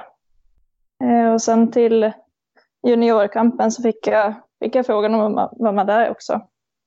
Den sändes också i vintras. Mm. De har ju lyft väldigt mycket nu i produktionerna i men, tv och så. Den här Fiskeliv har ju sänts nu. Mm. Eh, otroligt fin serie. Ja, jag, eh, jag har faktiskt inte hunnit se någonting av det. Får jag lov att erkänna. Mm. Nej, inte jag. Jag är för dålig på det. Jättedåligt. Men hur, Ja. hur gick det för dig då? Men det är inget... Ja, i, i Perch Pro då var jag ju första, eh, första ja, kvinnan som var med någonsin. Mm. Det, var ju, det var ju jätteroligt. Och spännande och häftigt. Och, eh, ja, vi hade ju ganska segt fiske men eh, jag lyckades få en 50 centimeters under ja, inspelningen. Då. Mm. Så bara det var ju jättehäftigt och jättemånga stora och fina abborrar. Så jag vet inte vilken plats, eller plats vi hamnade på. Om det var tredje plats eller vad det var. Jag har inte riktigt koll på det. Men eh, när vi, eh, när jag sen var med i juniorkampen hade jag med mig eh, lilla Leo. Eh, och tävlade mot de andra guiderna där på banan. barnen. Det var ju, det var jättespännande. Och, Ja, men I en båt man aldrig har suttit i en sjö som man aldrig har fiskat i heller. Mm. Men eh, det gick bra. Vi lyckades få en jättefin fisk i slutet och vann hela alltihopa. Mhm. Roligt. Ja, de är så duktiga med barnen. Ja, för de var inte så gamla om jag har för mig om. Jag, Nej, jag tror att de var 11, 11-12 år. mm. Men det var... Ja, de suger i sig fort informationen, ungarna. Och... Ja, verkligen. Jag ser ju det på min dotter, min äldsta dotter. Hon gillar ju fiska. Eh, hon snappar ju upp fort Mm. grejer och sådär och är jätteduktig. Och tycker att metet är roligt också. Hon är duktig på spinnfiska och sådär. Hon har väl fått några, några abborrar över kilot och sådär. Så var vi nere och metade sarv så fick hon en sarv på, ja, vad vägde den? 1030 eller något sånt där. Vad roligt. Eh, Så det är jättekul att se barnens glädje i det hela med. När man har Mm. hållit på i så många år och man har hållit på och tävlat, man jagar stor fisk och det är inte alltid, det är inte alltid glädje för mig. Eh, även om det ska vara det. Men, men eh, det är riktigt kul när man har med barn ut och fiskar för de, det lyser ju om hela dem. Liksom man kommer ihåg det här fantastiska. Alla fiskar var fantastiska som man fick. Ja, men även en brax på två hektar kan ju vara en helt fantastisk fisk för barn. Mm. Det är ju, jag, vet, jag, jag var ju jätteglad när jag var liten och satt och mätte upp elritser. Det var ju, det var ju det topp, höjdpunkten på dagen. Fick någon elritsa. Mm. Det, nej, det, är- det är äkta glädje och det var, det var jätteroligt att se. Ja. Har du fått lite blodad tand nu för eh, lite fiskefilm och sånt där? Är det något du vill fortsätta med? Ja, det var jätteroligt och jättelärorikt och spännande och så. Jag har ingenting planerat just nu att vara med i. Mm. Men eh, det var jätteroligt, så absolut. Om, nu, om möjligheten kommer igen så hade det varit jätteroligt. Mm. Man är inte så, så van att stå framför kameran, en sån där stor kamera och stå där och fiska. Och, och dessutom prata på engelska. Det blir, Många moment som är lite obe obekväma där. ja. Ja, Och det är sen eh, mycket marknadsföring och Det ja, måste ju bli ett annat tänk kring det hela. Man kan, man kan inte bara fokusera på fisket utan du har tre, fyra andra Nej. grejer du måste tänka på också. Liksom att ja, men du måste ju såklart visa upp produkten eller produkterna. Du måste Mm. vara smidig för den som håller i kameran. Alltså det blir många sådana. jag, jag hade... kasta betet utan att eh, fastna i Ja. någon. Precis. Man Dra med sig Då får kameramannen. man får... kamera för 50 000. Ja, precis. Hoppsan, förlåt. Det var inte meningen. Ups. Nej, men det brukar kunna bli att, ehm, för det vet jag var svårast i början, när man, eh, när man väl fick en, ja, men fick en fisk, så blir det naturliga reaktioner bara åh, fisk! Och sen bara, eh, just det, eh, oh, äh, fish, yay! Ja, den är... ja, men det, man, man kom in i det, men det tog, eh, det var lite, lite nervöst i början. Ja, jag kan tänka Ja, men bara det där att prata framför kameran, det tyckte jag var oerhört svårt. Alltså, jag har ju börjat göra lite småfilmer så bara själv. Mm. Men, men, men eh, alltså, var många tagningar innan, innan Ja. jag liksom fick till det så det var någorlunda acceptabelt och att det blir mer naturligt att prata. Liksom. Mm. Ja, det är, det är inte lätt. Nej. Jag tror att eh, gör man det själv också, då blir det väldigt, eh, det känns det väldigt konstigt om man ska stå där med en kamera mitt ute i skogen och prata med en kamera. Mm. Med produktionerna, då var det ändå en, en grej. Man stod där tillsammans och båda pratade. Och, Mm. eh, jag tror att det, det var inte för den första, i alla fall i Perchborough var det inte för den första rapporteringen som det verkligen var att oj, vi, vi filmar och tävlar mot alla de här jättekända och jätteduktiga fiskarna. Mm. Mm. Nej, det var, Ja, nej. ja, nej, det där med kamera, det, det har man ju funderat på om man skulle ja, men, köra lite så här, men, eh, ja, men instruktioner, så här, ja, men lite tips och tricks och meter och lite sånt. Men det gäller ju att komma sig för med det också. Mm. Ja, det, Ja, det är ju eh, inte jättesmidigt och, och man måste nog känna själv med att man tycker att det är lite roligt att stå framför en kamera eller tycker att det är lite ja, bekvämt på något vänster också. Mm. Det, det, är, det är inte så jäkla lätt som folk tror. Nej, men och sen är det ju ganska svårt att filma och eh, fiska samtidigt om man säger så. Eh, och göra det bra. Det är ju betydligt lättare kanske om man har lite hjälp med filmning eller något sånt där. Ja, stå, stå där med mest kladdiga fingrar och bara ta, tar vi om det här. Ja, ja, ja. Men det, Ja, jag har en kamera. Den, den kan spela in i tre och en halv timme. Så den, det, den är bara så här ställa upp så kan, man, kan den liksom stå där och så hoppas man på att någonstans att man lyckades med något som var värt att spara. Liksom. Ja, och sen är det ju det där med Sen är det ju resten av arbetet att redigera och klippa Mm. ihop och sätta in musik. Och... Mm. Det finns ju vissa som har gjort det jättebra. Mm. Ja, absolut. Det är, det är roligt att titta på sånt som... Vi ska ju spela in lite film här snart. Mm. Alltså, eh, som vi hoppas blir något av. Vi får väl se om vi får någon fisk. Men det blir väl eh, ett- litet samarbete där med, med en karpfiskehistoria. Så det, det blir spännande. ja, vad roligt. Det finns dåligt med karp, eh, ja, men karpfiskevideos nu.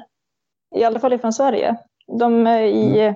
Tyskland och Holland är ju väldigt duktiga på att filma. Och Polen också. Finnarna är duktiga. Mm. Ja, där finns det ett gäng De som är... har hittat en del. Där finns det ju faktiskt riktigt bra produktion. Ja, ja de får ju, får ju till det där lite mer lugna tempot i det på något sätt. Att det blir inte sådär som vissa engelska karpfilmer. Det är någon form av discomusik och hysteriskt, jag vet inte vad. Det är mycket housemusik. Ja. är det. Mm, mm. ibland får man ju titta på dem, ju- stänga av ljudet. Mm. Det känns som att det hänger inte riktigt ihop med karpfiske heller. Liksom. Ja, fast där gör det ju det, för de, de, Ja, ja, Det är- ja. tittar man på en del engelska filmer, det är ju jäkligt mycket sån musik där. Så att det, det är nog, på, på något sätt så är, är det väl det som hänger ihop där på något konstigt sätt. Jag vet inte. Mm. Jag förstår inte på... ja. Nash har ju väldigt förkärlek till det där. Ja, definitivt. Mm. Men du var ju inne lite och pratade kring det här med att vara första tjej och, och hela den biten i att vara med i sådana här videoproduktioner. Mm. Vi, vi måste ju fråga, även om det inte är så roligaste frågan kanske, men eh, hur är det att vara kvinna inom sportfisket? Märker du någon positivt, negativt, skillnader? Hur folk frågar och sådana saker? Ja, eh, mycket, mycket av allt kan jag säga. Ehm, både, både fördelar och nackdelar och skillnader och inte. Och, ja, det, jag, jag har väl inte jätte, märkt av det så jätte, jättemycket. Eh, jag, har ju, jag började ju lägga ut eh, bilder på Instagram. Så att, eh, och sen blev det mer och mer och kommentarer och följare och så.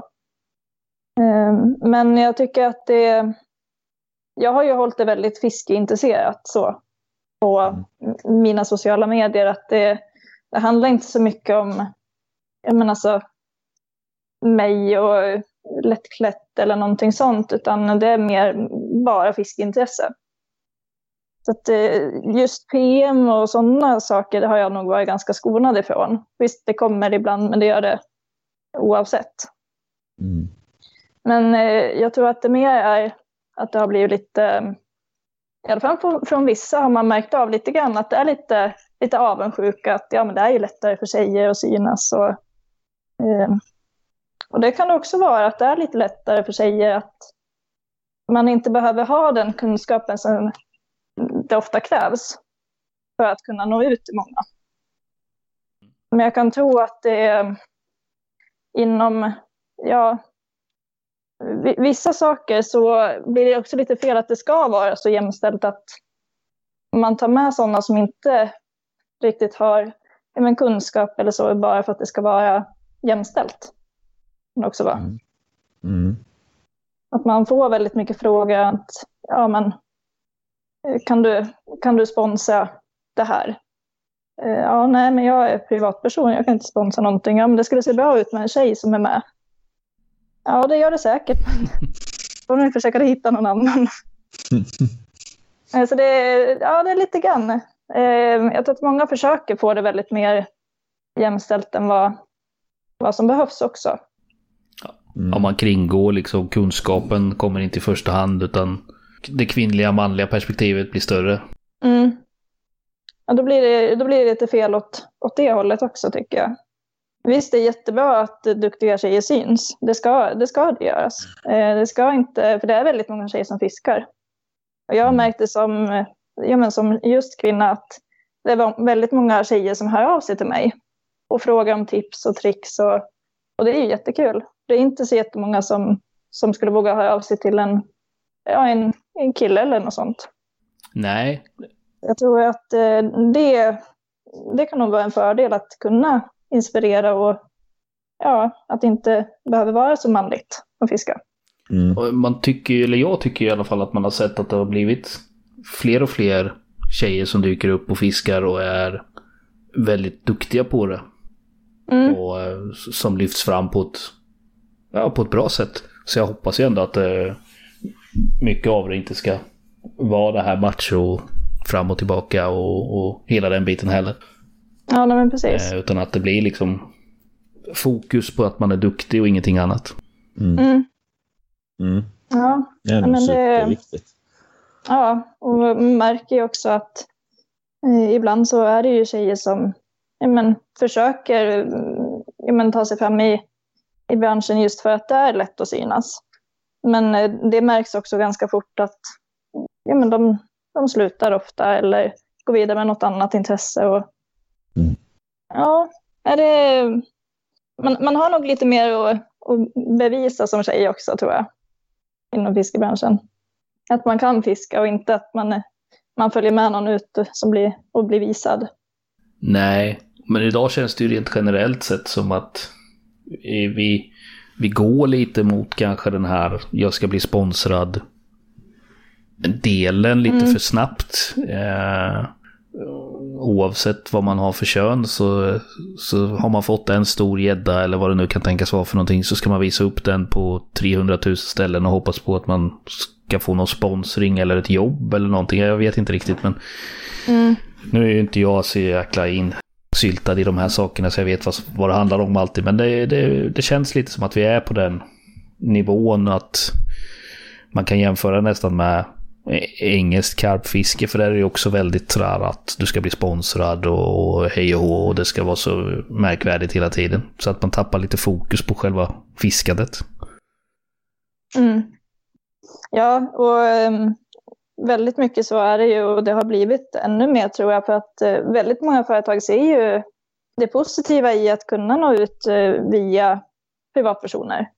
Att uh, ja, jag sponsrar med det här och då får jag väldigt mycket mer spridning på produkten. Mm. Och det blir ju det blir mycket större marknadsföring än om man skulle köpa en annons i en tidning. Ja, och, och ser man det så så har vi ju snart gått ifrån hela den delen. Det är ju det är ju däråt riktningen går hela tiden. att en, ja. en annons i en tidning idag är det ju ingen som reagerar på i stort sett. Utan det ska ju möjligtvis vara att någon person som man känner igen säger att det här är bra grejer så, så säljer det tio gånger mer än någon som tittar på en bild i en tidning. Mm, absolut. Och det kommer nog mycket från eh, amerikanska marknaden tror jag. Eh, Bassindustrin då, eller ja, det är fisket, då är de ju sponsrade av väldigt många olika märken. Ja, alla dessa cykeltröjor. ja, jag, jag har ju själv stått i en sån här tröja. Den, det, det, är inte alltid roligt och eh, framhäver vissa saker fel lite grann. mm. Ja, det är en avvägning det där, helt klart. Ja. Jag håller mig från mm. cykeltröjan tror jag. Men det är ingen som skulle sponsra ja. mig ändå. Jag berättade innan hur dålig jag var på spinnfiske så att jag... ja. jag, har, jag har bränt mina chanser där nu kände jag. När man ens inte fattar att man ska veva liksom. Nej, då är det ju Fast då, det är då du kommer in på kastmeter istället. Ja, jag, jag fastnade där att eh, kasta ut och bara sätta sig ner. Det, det var mer min grej liksom. Mm. eh. Ja, men då har ju du gjort ditt ja. liksom. Ja. Det, du får inte ta för mycket energi. Ja. Nej, usch med mig. Nej, men det, det är väl på gott och ont hela det här med sponsring och hur man ser på det med tjej och kille och vem som är duktig och inte och avundsjuka och sådana saker. Men mm. Ju, mm. ju, mer synlighet eh, fisket generellt får desto större chans är det ju att vi går mot, mot de hållen som vi har börjat redan. Mm. Så att, eh, och vi har ju kommit ganska långt mm. redan egentligen. Det är väl så det kommer liksom fortsätta. Eh, det kommer ju gå åt det hållet. Ju mer pengar det är inblandat i det så kommer det bli mer fokus på sån reklam och sånt. Och det säljer ju extremt bra när man gör filmproduktioner till exempel. För då ser man ju att grejerna funkar också. Mm. Och sen blir det ju också att, eh, ja men kommer det till en sån punkt att det blir för mycket av det hela, att det är fler och fler som går över till att sitta i en liten vassrugg och ta det lugnt bara. Istället för att, att komma ifrån de här eh, ja, reklam, just reklamen. Mm. Att allting behöver inte synas utåt. Nej, så är det ju. Mm. Eh, Så det, ja, men det, det växer ju fisket i Sverige. Eh, det blir ju mer och mer nu med folk hittar ut i naturen och ska eh, semestra hemma och fiska. Och oh ja, det har ju varit bra Mm. år så. det, Det har nog varit ett jättebra år för Sverige egentligen, alltså för svensk, svensk turism hemma, om man Mm. säger så. Eh, och även för att liksom hitta den svenska naturen och hur vackert land vi faktiskt bor i. Och hur enormt mångsidigt det är. Mm. Eh, Så där, ja, fisket har väl gått uppåt rätt mycket. Vi, jag tycker väl att vi märker tendenserna på, met, alltså på Swedish Anglers där, att det, det har ju ökat ganska kraftigt under Ja, det här roligt. året. ja, det, det med, man märker ju skillnad. Det är ju det är ganska roligt i, Facebookgruppen så här års att det är många som ger sig ut. Jag ska prova att fiska sutare första gången och jag ska göra det första gången och sådär. Så att eh, det, det, det känns ändå som att det är fler och fler som får upp ögonen för att göra, göra lite andra fisken på framförallt sommarhalvåret här. Så det är kul. Mm. Mm. Fast det känns som att metet har liksom ökat successivt. I, när vi var på metermässan då, de, de åren det var, eh, då hade man ju rätt många som kom fram och var nyfikna och frågade och eh, ville börja testa och sådär. Så att Ja, sport, sportfiskemässan liksom där ja. att, in, mm, Jo men så är det att, ju. att det, intresset ökar. Eh, Mm. Vi trodde att vi skulle få stå där själva hela mässan ungefär. Men, men det var ju en stridström med folk hela tiden och det var ganska roligt. Mm. Eller Det har jag också märkt att det, att det är många som frågar just om metet. Att, eh, ja, men hur, hur man mäskar och vilka tackor man ska använda och krokstorlekar. Och, det, det är väldigt många som börjar bli nyfikna på det. Mm. Det är roligt. Jag tror att det behövs med att man, man inte bara fastnar i samma, ja, bara kör predatorfisket och de här bitarna, utan att man, man blir lite mer ombytlig och, och gör lite olika saker med. Mm. Mm. Eh, det känns som det är viktigt.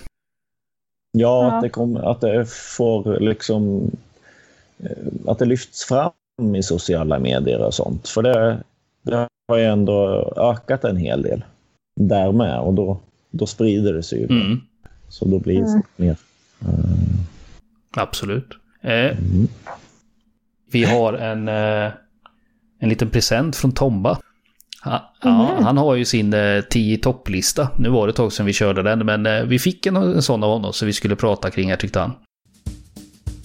Tombas 10 i topplista. Och då, Mm. då handlar det om 10 saker eh, svenskan då, svenska specimentävlingen, skulle må bättre utan. Mm. Sp- Spännande. Eh, Ja. Just, just att de ska må bättre utan då, så att det här borde ju inte vara med i tävlingen enligt, enligt Tombar och hans 10 topplista. Eh, så vi börjar med plats 10 då. Då menar han på att samtliga privata dammar borde strykas. Är vi för eller emot? Jag är, är för det.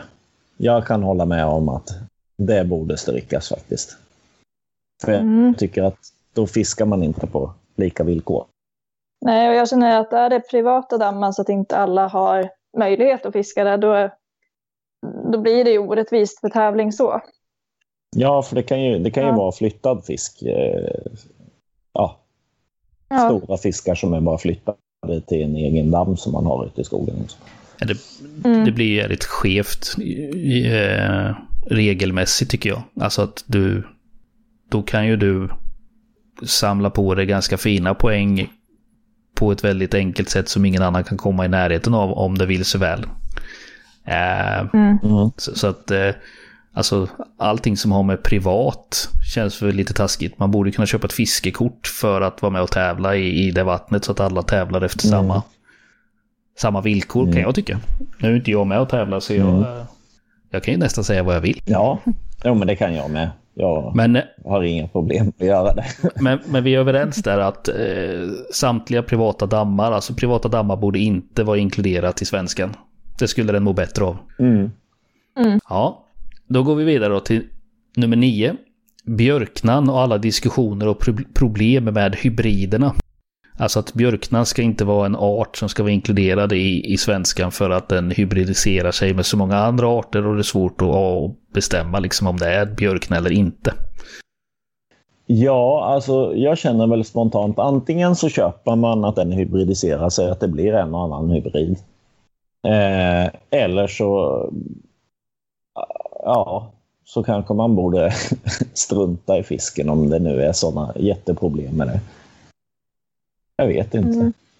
Lite kluven där. Ja, ja, för det, man ser ju, är det en tydlig hybrid då ska ju inte den räknas med. Men eh, sådana som ser ut som de ska, ja, man vet ju aldrig om det är 10 ja, brax i dem eller Mm. något annat. Men det är ju dumt att inte räkna med en, en sån art också. De Mm. blir ju stora. Men eh, så som de har nu, att de har en jury som ska ja, titta på bilderna och granska och jämföra och räkna fjäll och så. Det tror jag ändå är en bra lösning. Jag undrar vad de har, vilka som är med i den där juryn. Ja, det var väl någon hemlig jury tror jag. Ja, det känns ju förtroendeingivande faktiskt. Ja, jag vet att jag hade en, en stäm som gick upp för den granskningen. Mm. De räknade fjäll och, och så. Mm. Mm. Det, det var en stäm i alla fall. Det stämde. Ja, vi hade någon... eh, Det stämde. Ja. ja. Förlåt, jag kunde inte låta bli. Det var jättedåligt. nej, nej, nej. Ja, vi hade någon björknäs som strax där tror jag, för de hittade, hade hittat något extra fjäll på den. Jaha. Den, den, eh, Mm. vill man inte ha problem så, så, så är det ju en, en art som eh, skulle kunna lyftas bort, absolut. Men samtidigt så är det ju väldigt många som fiskar efter den. Eller, så Mm. att då får man ju helt enkelt köpa att den blir struken eller inte. Mm. Men då måste man ju även som deltagare köpa den regeln liksom. Då kan man ju inte komma och gnälla sen och säga att jo men det är allt sen björkna fast nu har juryn sagt att det inte är det. Då får man ju acceptera det också. Nu vet jag inte om det är så men det, det, det var ju någon diskussion för ett tag sedan i, i, i vår Facebookgrupp där de eh, diskuterade kring hybrider och annat. Mm. Men eh, Mm. eh, ja, vad säger vi? Ska den få vara kvar eller inte?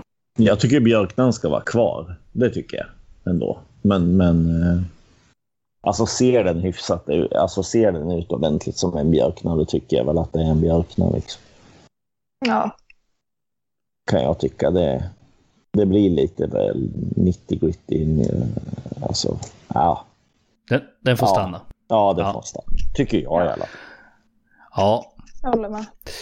Eh, då går vi in på nummer åtta. Och då står det Hosmoån, Ursjön och andra vatten som alla inte kan fiska i. Finskan eh, slår igenom ibland här. Eh, Mm. men vi kan ta just det här med Hosmoån, Ursjön och så vidare. Jag, jag tippar på att han tänker lite kring eh, betalvatten eller så som Ursjön. Där eh, finns det ju inga dagskort att köpa längre utan där hyr man ju hela sjön och man ska vara ett sällskap. Eh, Mm. Det. och, och eh, Hosmån är ju också ganska... Jag vet inte om de, hur, hur det ser ut idag med... Mm. Vad är det? Tre, tre, fyra kort per dag eller något sånt där som säljs? Mm, fyra kort per Mm. dag, tror jag. Mm. Så det är väl de han menar Och om det liksom. kostar 250 kronor Ja. Det är helt vansinnigt.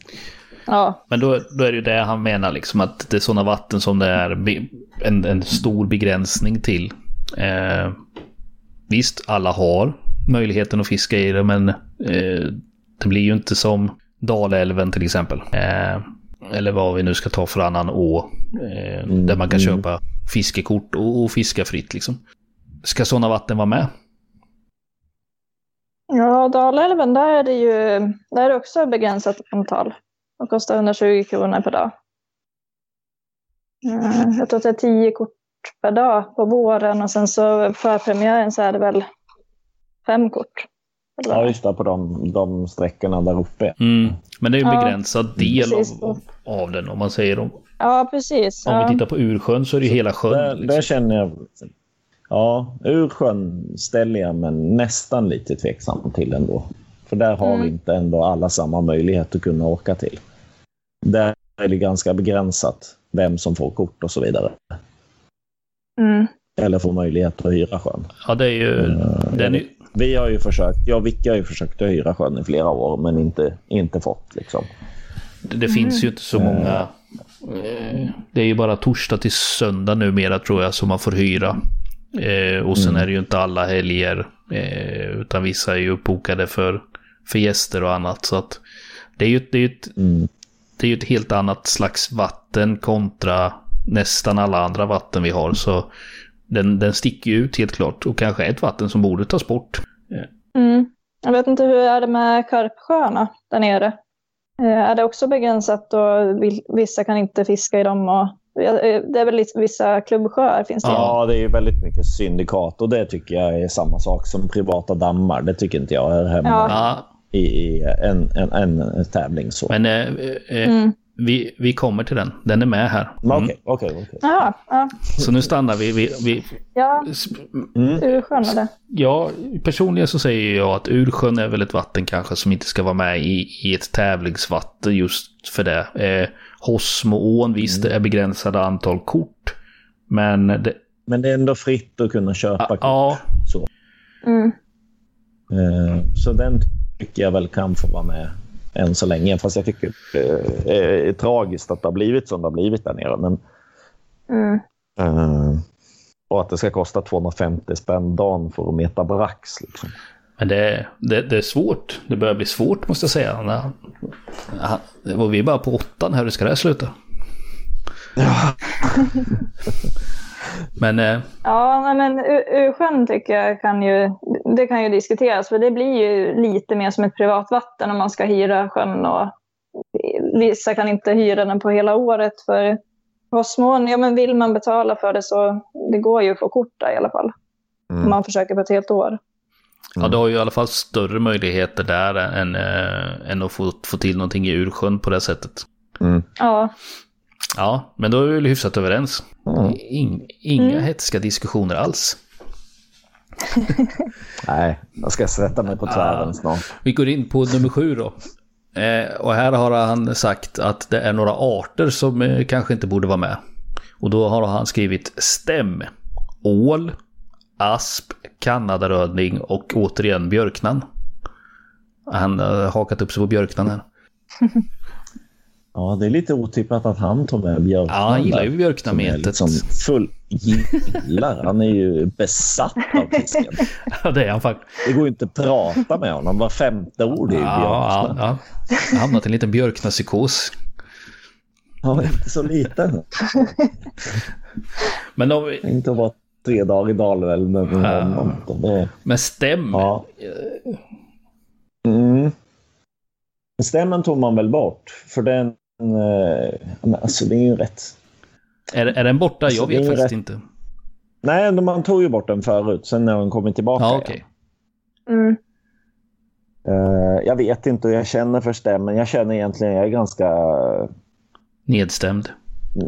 Ja, ja, ja, ja. Den skapar ingen bra stämning för mig. Eh, Nu ska jag jag, jag, jag är ganska likgiltig inför den fisken. Jag tycker inte den eh, skulle ge mig så himla mycket att fiska stäm. Jag vet inte varför. Men en del gillar ju att fiska stäm, så stämmen kanske ändå har en plats. Ja, ja, det blir väl lite mer tävlingsmet att man, man sitter där och så drar man upp 40 stycken, väger två, kastar i alla.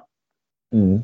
Eh, att man, fast då, ja, jo, det är väl någon som vill ha den med säkert. Men, att, Ja, jag, jag är inte helt övertygad om att den behöver vara med. Så det känner jag. men är den inte väl, eftersom den inte är någon direkt stor fisk så kan den ju bli lite taskigt vid vägning om man inte har en grams intervall till exempel. Mm. Mm. De har väl satt fem grams våg, va? Ja, okej. Är det fem grams? Du ser, jag är ju Mm. inte insatt i det här. Eh, att du måste ha det. Men, men eh, Varför fem gram? Det blir en gram hade det varit logiskt. ja, men det fanns väl Mm. inte så mycket Ah, engramsvågar. det är svårt att få tag i. Nu har ju Berkeley, ja, nu, nu har ju Berkeley släppt engramsvåg igen. Eh, och den är ju godkänd. Eh, Mm. Så nu, nu finns det ju faktiskt engramsvågar att få tag i. Ja, för annars så kan jag ju förstå om, om man inte hade haft någon, eh, någon intervall på, på vågmässigt så kan det bli lite taskigt för då kan det ju... Då kan den Ja, då väger ja, precis, då kan den ju, All, alla två häckor. precis, då kan den ju pendla rätt högt fast den inte är så högt.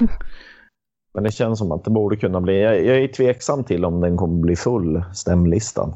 Nej, Ja. Nej. I svenska. jag har ingen koll hur det ser ut där. Kanada-rödingen är väl lite sådär också. Det är lite... Den känns ju med väldigt låst till ett, ett fåtal vatten. Mm. Ja, Eh, ja, det är ju inte jättemånga vatten den finns i. Eh, men ja, det är ju en del faktiskt. men annars vet jag Eh, inte det vad, för- vad, vad, vad han riktigt tänker med att han inte vill att den ska vara med. Men, eh, där handlar det ju. Nej, den eh, är inte den den som räknas som eh, invasiv? Eller, ja, den är väl utplanterad. Så det är väl Mm. säkert något Ja, sånt. det kan det ju vara då att den är en invasiv art och kanske inte borde vara delaktig i en tävling. Ja, för Mm. jag vet man börjar ju diskutera om till exempel regnbågen och sådär Mm. ett tag. Ja. Och det tyckte jag var rent bedrövligt att ha med den egentligen. Mm. Men ål och asp då?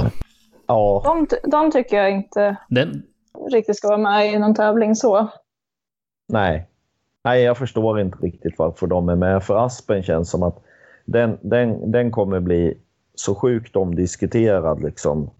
Och tvekställa så mycket. Det kommer skapa massa tjafs.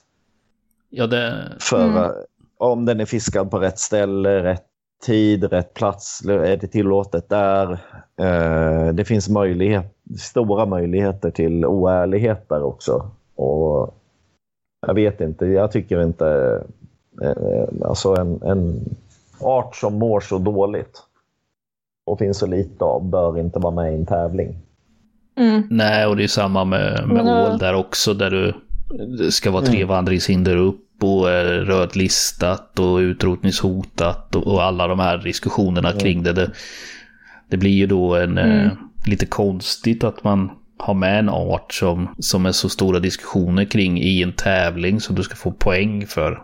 Mm. Eh, Jag Ja. känner väl liksom att det var ju väldigt många som hyllade eh, Max var det ju då som ledde svenskan när han tog bort, valde att ta bort ålen. mm, ja, den var ju... Så det var ändå ett bra initiativ tycker jag att ta bort Den var väl borta... Han tog väl bort den när det, väl, när det blev eh, fiskeförbud efter dem. Var det väl? Ja, det kan nog stämma. Ja, Jag kommer inte ihåg. det är ju, det är ju vissa, vissa ställen som är fiskeförbud. Det är ju, vissa ställen är det ju fortfarande tillåtet i vissa kommuner Mm. och sådär. Men, men jag tycker ändå ålen hör inte hemma i tävlingssammanhang. Det är, det är lite som att ja, nej, fiska på liksom spillrarna av en art för att Nej. visa upp och tävla. Det känns inte riktigt Nej, det blir lite knas. etiskt. Nej, Ja. det, det finns ju... Eh, vi, vi kanske ska föregå med gott exempel så, och då är det ju inte bra att, tror, att fiska på sånt. Liksom. jag tror vi måste, det är viktigt att vi gör det. Att vi liksom föregår med väldigt gott exempel. För vi kommer ju bli mer och mer granskade. Eh, eftersom det är ju ganska tveksamt det vi håller på med. Om man går, lägger handen på hjärtat och känner efter. Mm. Eh, så, så eh, ska vi ju ändå trampa varsamt. Ja, Jag vet, är det inte i Tyskland som de har fått igenom att man inte får köra catch and release just för att få bort det här nöjesfisket? mm. Eh, det har varit så i det är, något- det är flera år nu, men eh, det stämmer. Att Ja. där, där får du ju inte... Där, där får du böter eller vad det är för någonting om du skulle släppa, släppa tillbaka en fisk och någon ser att du gör det.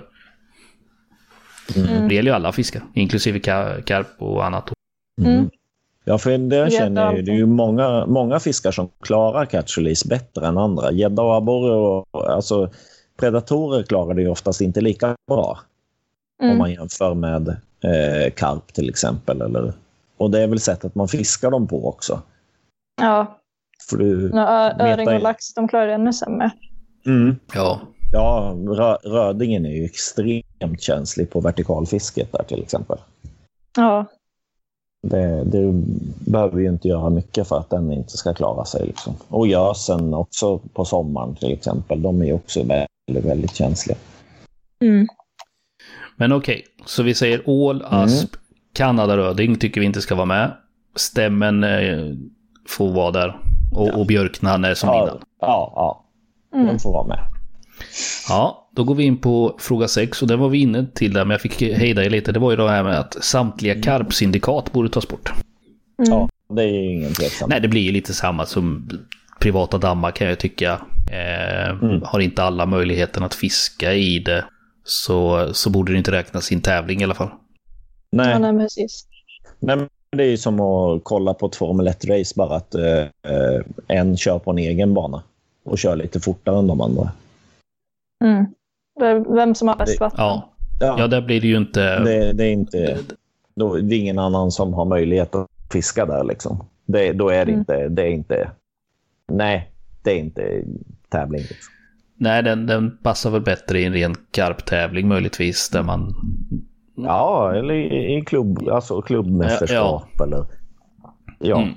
Ja, men den, eh, den släpper, den släpper Nej, vi det, och går det vidare. ska vara ja, ja, öppna vatten. Vi går in på femman.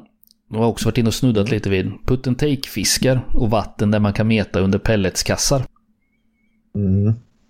Jag vet inte, jag förmodar att han tänker sikarna framför allt där va? Man tänker nog sikarna och rymlingar och eh, rödingar. Mm. My, mycket röding. Eh, Även i, i det som går upp till kassar och sånt Mm. finns det ju.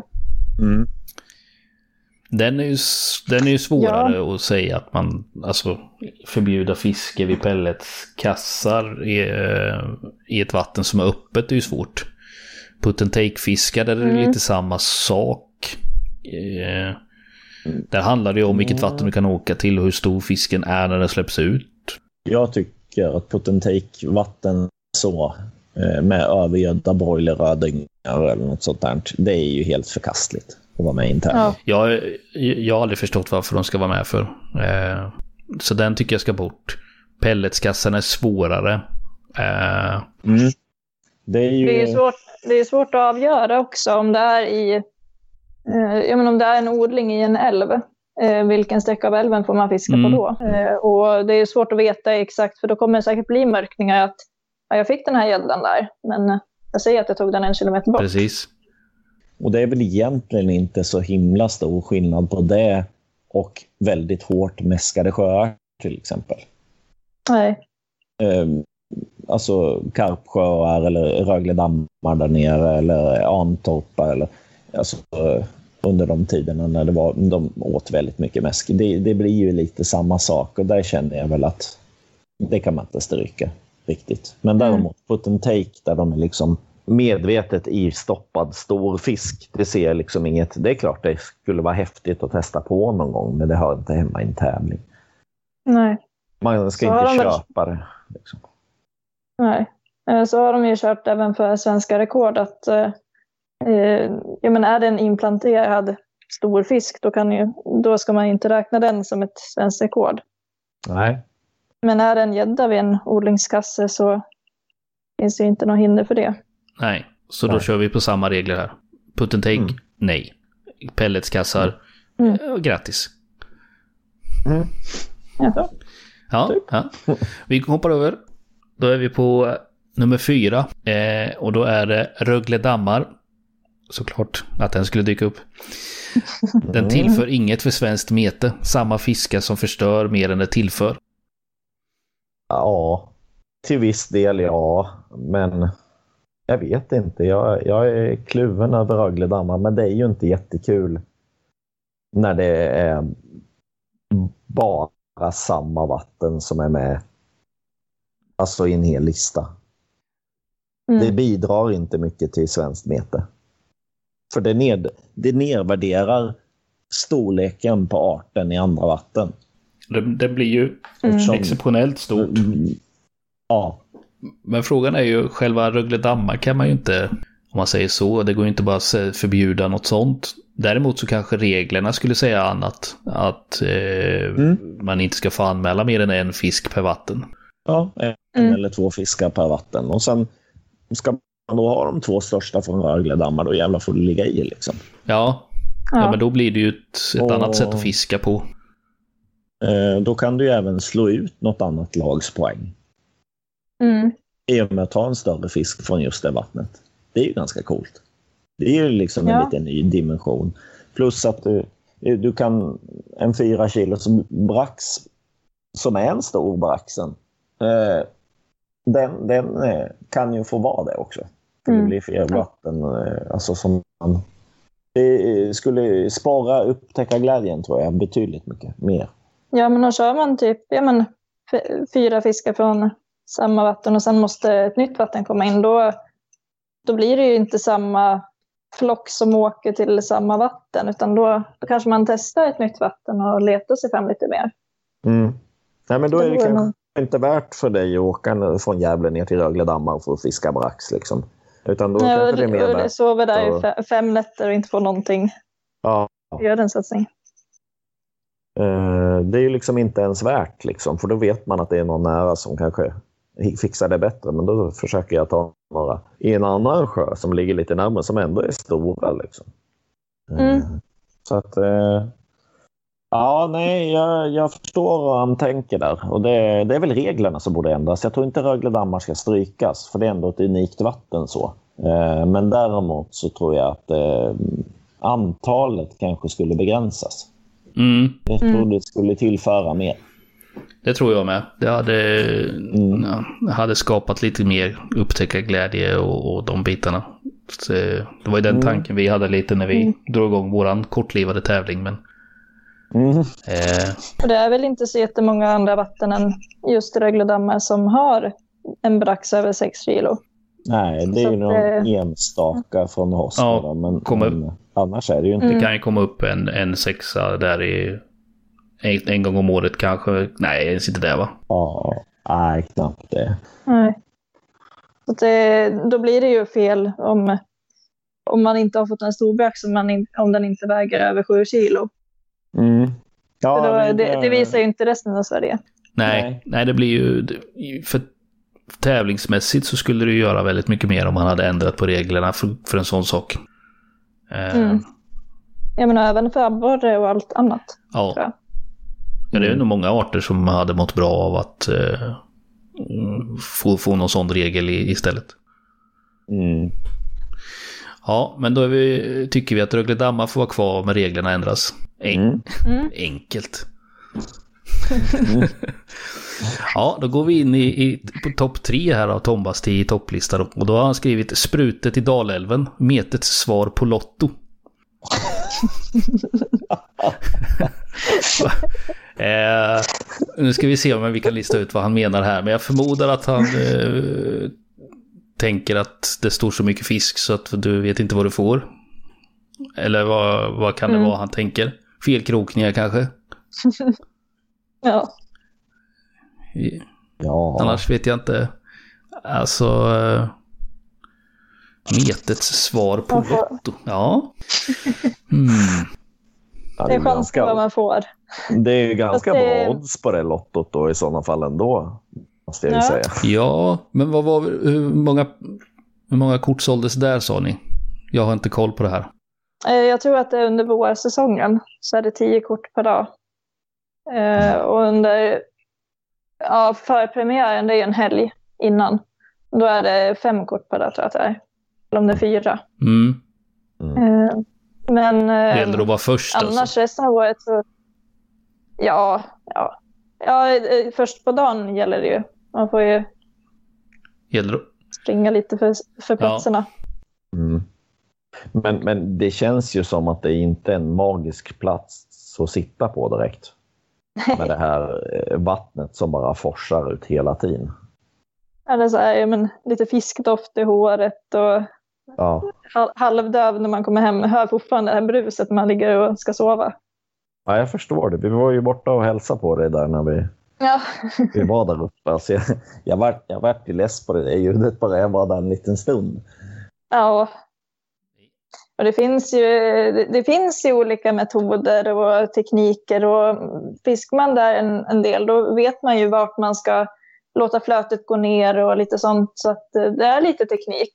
Eh, Mhm. Så det är inte bara Lotto men all, alla dessa braxar är ju Lotto. Så lite, lite Lotto, men eh, inte bara Lotto. Eh, nej. Nej, Nej, fast det är, inte, det, det det är inte så skörde mitt fiske heller. Jag, jag fiskade en del där första, första åren när jag började meta ordentligt. Eh, Men nu, nu fiskar jag mest hemma men, lugnare åar eller på andra ställen där man får vara lite mer i fred och det är lite lugnare. Mm. Så du hör något efter du har fiskat menar du? ja. Men, men rent Ja. eh, krasst så, så eh, tycker vi inte att eh, sprutet i Dalälven ska tas bort från svenskan. Nej, varför skulle vi göra Nej, jag, det? den, Alltså, den det- har ju... Vill, vill man sitta där och självplåga sig själv så får man väl göra det. Ja, jag har lite svårt med och, och, och alltså Rögle dammar, ja, regeländringen, sprutet i Dalälven. Eh, Jag vet inte riktigt vad är det han vill att vi ska ta bort för någonting. Vad är metet svar på Lotto? Ja, det enda jag kan tänka mig är felkrokningar möjligtvis då eller vad det nu ska vara han är ute efter. ja. Jag tror inte han gillar Nej, det gör han inte. Bara. Det gör Det han bara är så. Nej, alltså det är nog bara så enkelt. På tal om gillar, Mm. vi, vi, vi hoppar över på tvåan. Antorpasjön på grund av lukten. det säger ju allt. Ja, han var inte färdig med att kränka honom. Ah, nej, han, han gillar verkligen inte det vattnet alls. Eh, Nej. jag säger eh, det får vara kvar. Ja, vad får vara kvar? Ja, då kommer vi till... Det, det, det, det är också en fråga där om självplågeri om man vill sitta där eller Ja, inte. jag, jag, Mm, jag tror att mm. trean och tvåan är väl just kring eh, vad, vad han personligen tycker om ljud och luft. Mm, mm. Jaha, då går vi in på eh, nummer ett. Kalmarsund. Då har han skrivit osmakligt att fiska efter sista spillrorna fisk i tävlingssyfte. Ja, Mm. Eh, jag är beredd att hålla med där. Det är Mm. sista året jag var där så kände jag liksom att det här känns liksom inte riktigt bra. Alltså det är sån fruktansvärd koncentration med båtar som Mm. går, ligger och bankar jämt liksom. Eh, och det är ju ett bestånd som inte mår bra. Mm. Nu har de ju satt upp de här reglerna så att jag tror att det kommer lösa sig själv lite, grann. Att väldigt många av de här vikarna blir totalt fiskeförbud från 1 januari och utanför så blir det förbud på vissa sträckor från ja, det 31 Mars april. va? Nej, ja, ja, var det. precis. Ja. Ja, mars Mm. tror jag till och med. Mm. Eh, Så att eh, det verkar ju bli bättre, men det är ju sorgligt att se. Det är jättemycket båtar och alla står där och så är man så stolt. Ehm, och det, det, det blir också lite att det förvränger synen på en stor abborre. Mm. Definitivt. Men det blir ju lite samma, samma sak där med... Nu är det ju kanske inte svenskan sådär jättekopplat kanske med Kalmarsund utan det är väl rent generellt sportfisket i Sverige. Abborrefisket. Eh, men det blir, blir ju lite Mm. märkligt att en två kilos abborre helt plötsligt är nästan på väg att bli en norm liksom. Det är ju, är ju otroligt konstigt. Ja, Den, eh, den, den, den är svår att, att hantera tycker jag. jag. Jag har aldrig varit där själv och fiskat så jag ska inte säga hur det ser ut. Men jag har ju hört och pratat med folk som säger liksom att det ligger i båtar var tionde meter. Mm. Eh, Ja, jag vet något år, Vicky och jag var nere. Vi, fick ju liksom, vi hade ju lilla, vår lilla takbåt så vi, vi fick ju starta tidigt så att säga för att, inte, för att hinna komma fram med, med elmotorn. Där. Mm. Det, vi fick ju åka två timmar innan det var ljust för att liksom ha en plats att sitta på. Mm. Eh, det var liksom, det var inte, vi hade fantastiskt fiske men jag kände liksom att jag varit ganska mätt på det tyvärr. Alltså det dödar hela känslan för mig när det var så fruktansvärt mycket folk. Jag är ute och fiskar för jag vill slippa folk. Ja. ja, det blir lite konstigt och framförallt i ett tävlingssyfte. Det blir lite som med ål och Mm. asp och hela den biten också nästan här tycker jag. Det har ju inte med rödlistningar och utrotningshot och sånt att göra men att det blir det blir ju ett gigantiskt fisketryck. Och det finns väl fler tävlingar med än svenskan som är kopplat till abborrar kan jag tänka mig. Mm. Mm.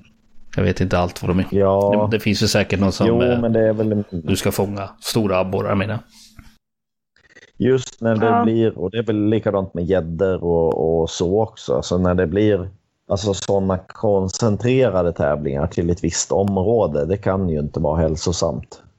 För fisken i, i längden och det är båtar som blåser. Alltså, rör, rör upp botten och, och åker fram och tillbaka med sina 350 hästar. Och, eh, Mm. liksom, det kan inte vara det kan inte vara nyttigt att så mycket folk står och liksom fiskar på ett helt bestånd av en fisk. Mm. Och de ska in och leka bara.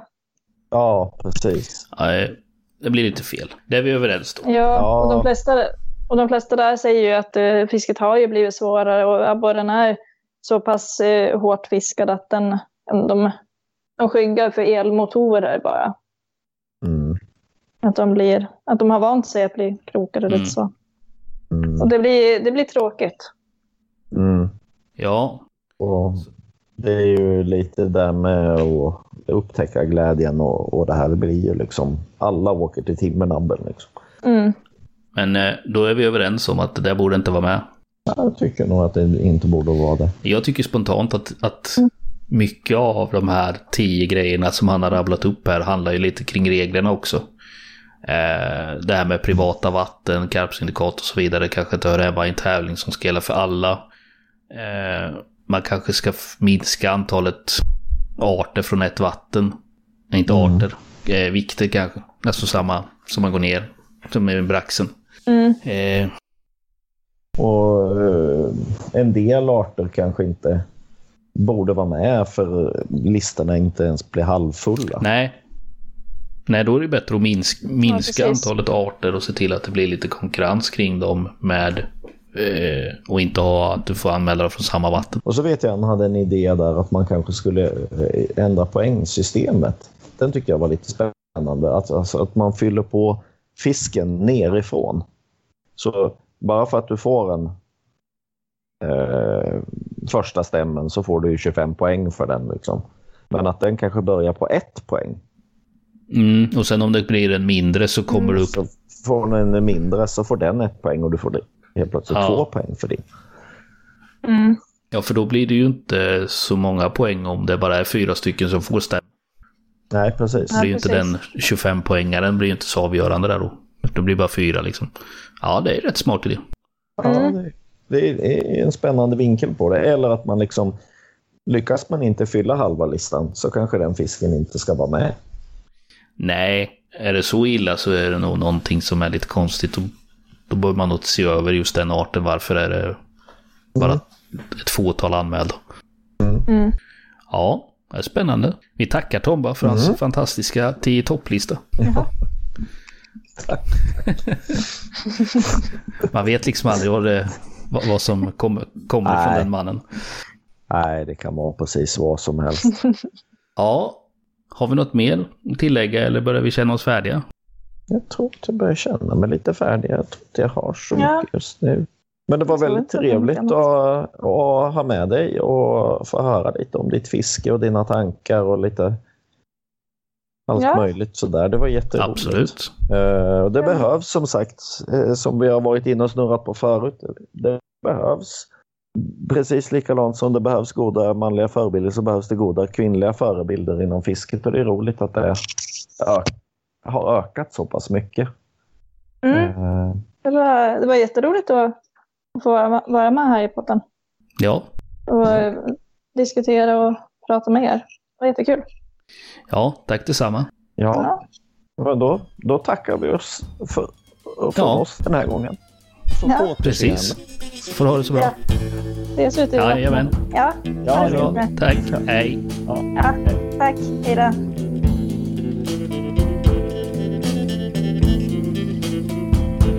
I've had enough of your bullshit to last me a lifetime. So get out of here. I don't want to see you around here anymore. You better get out.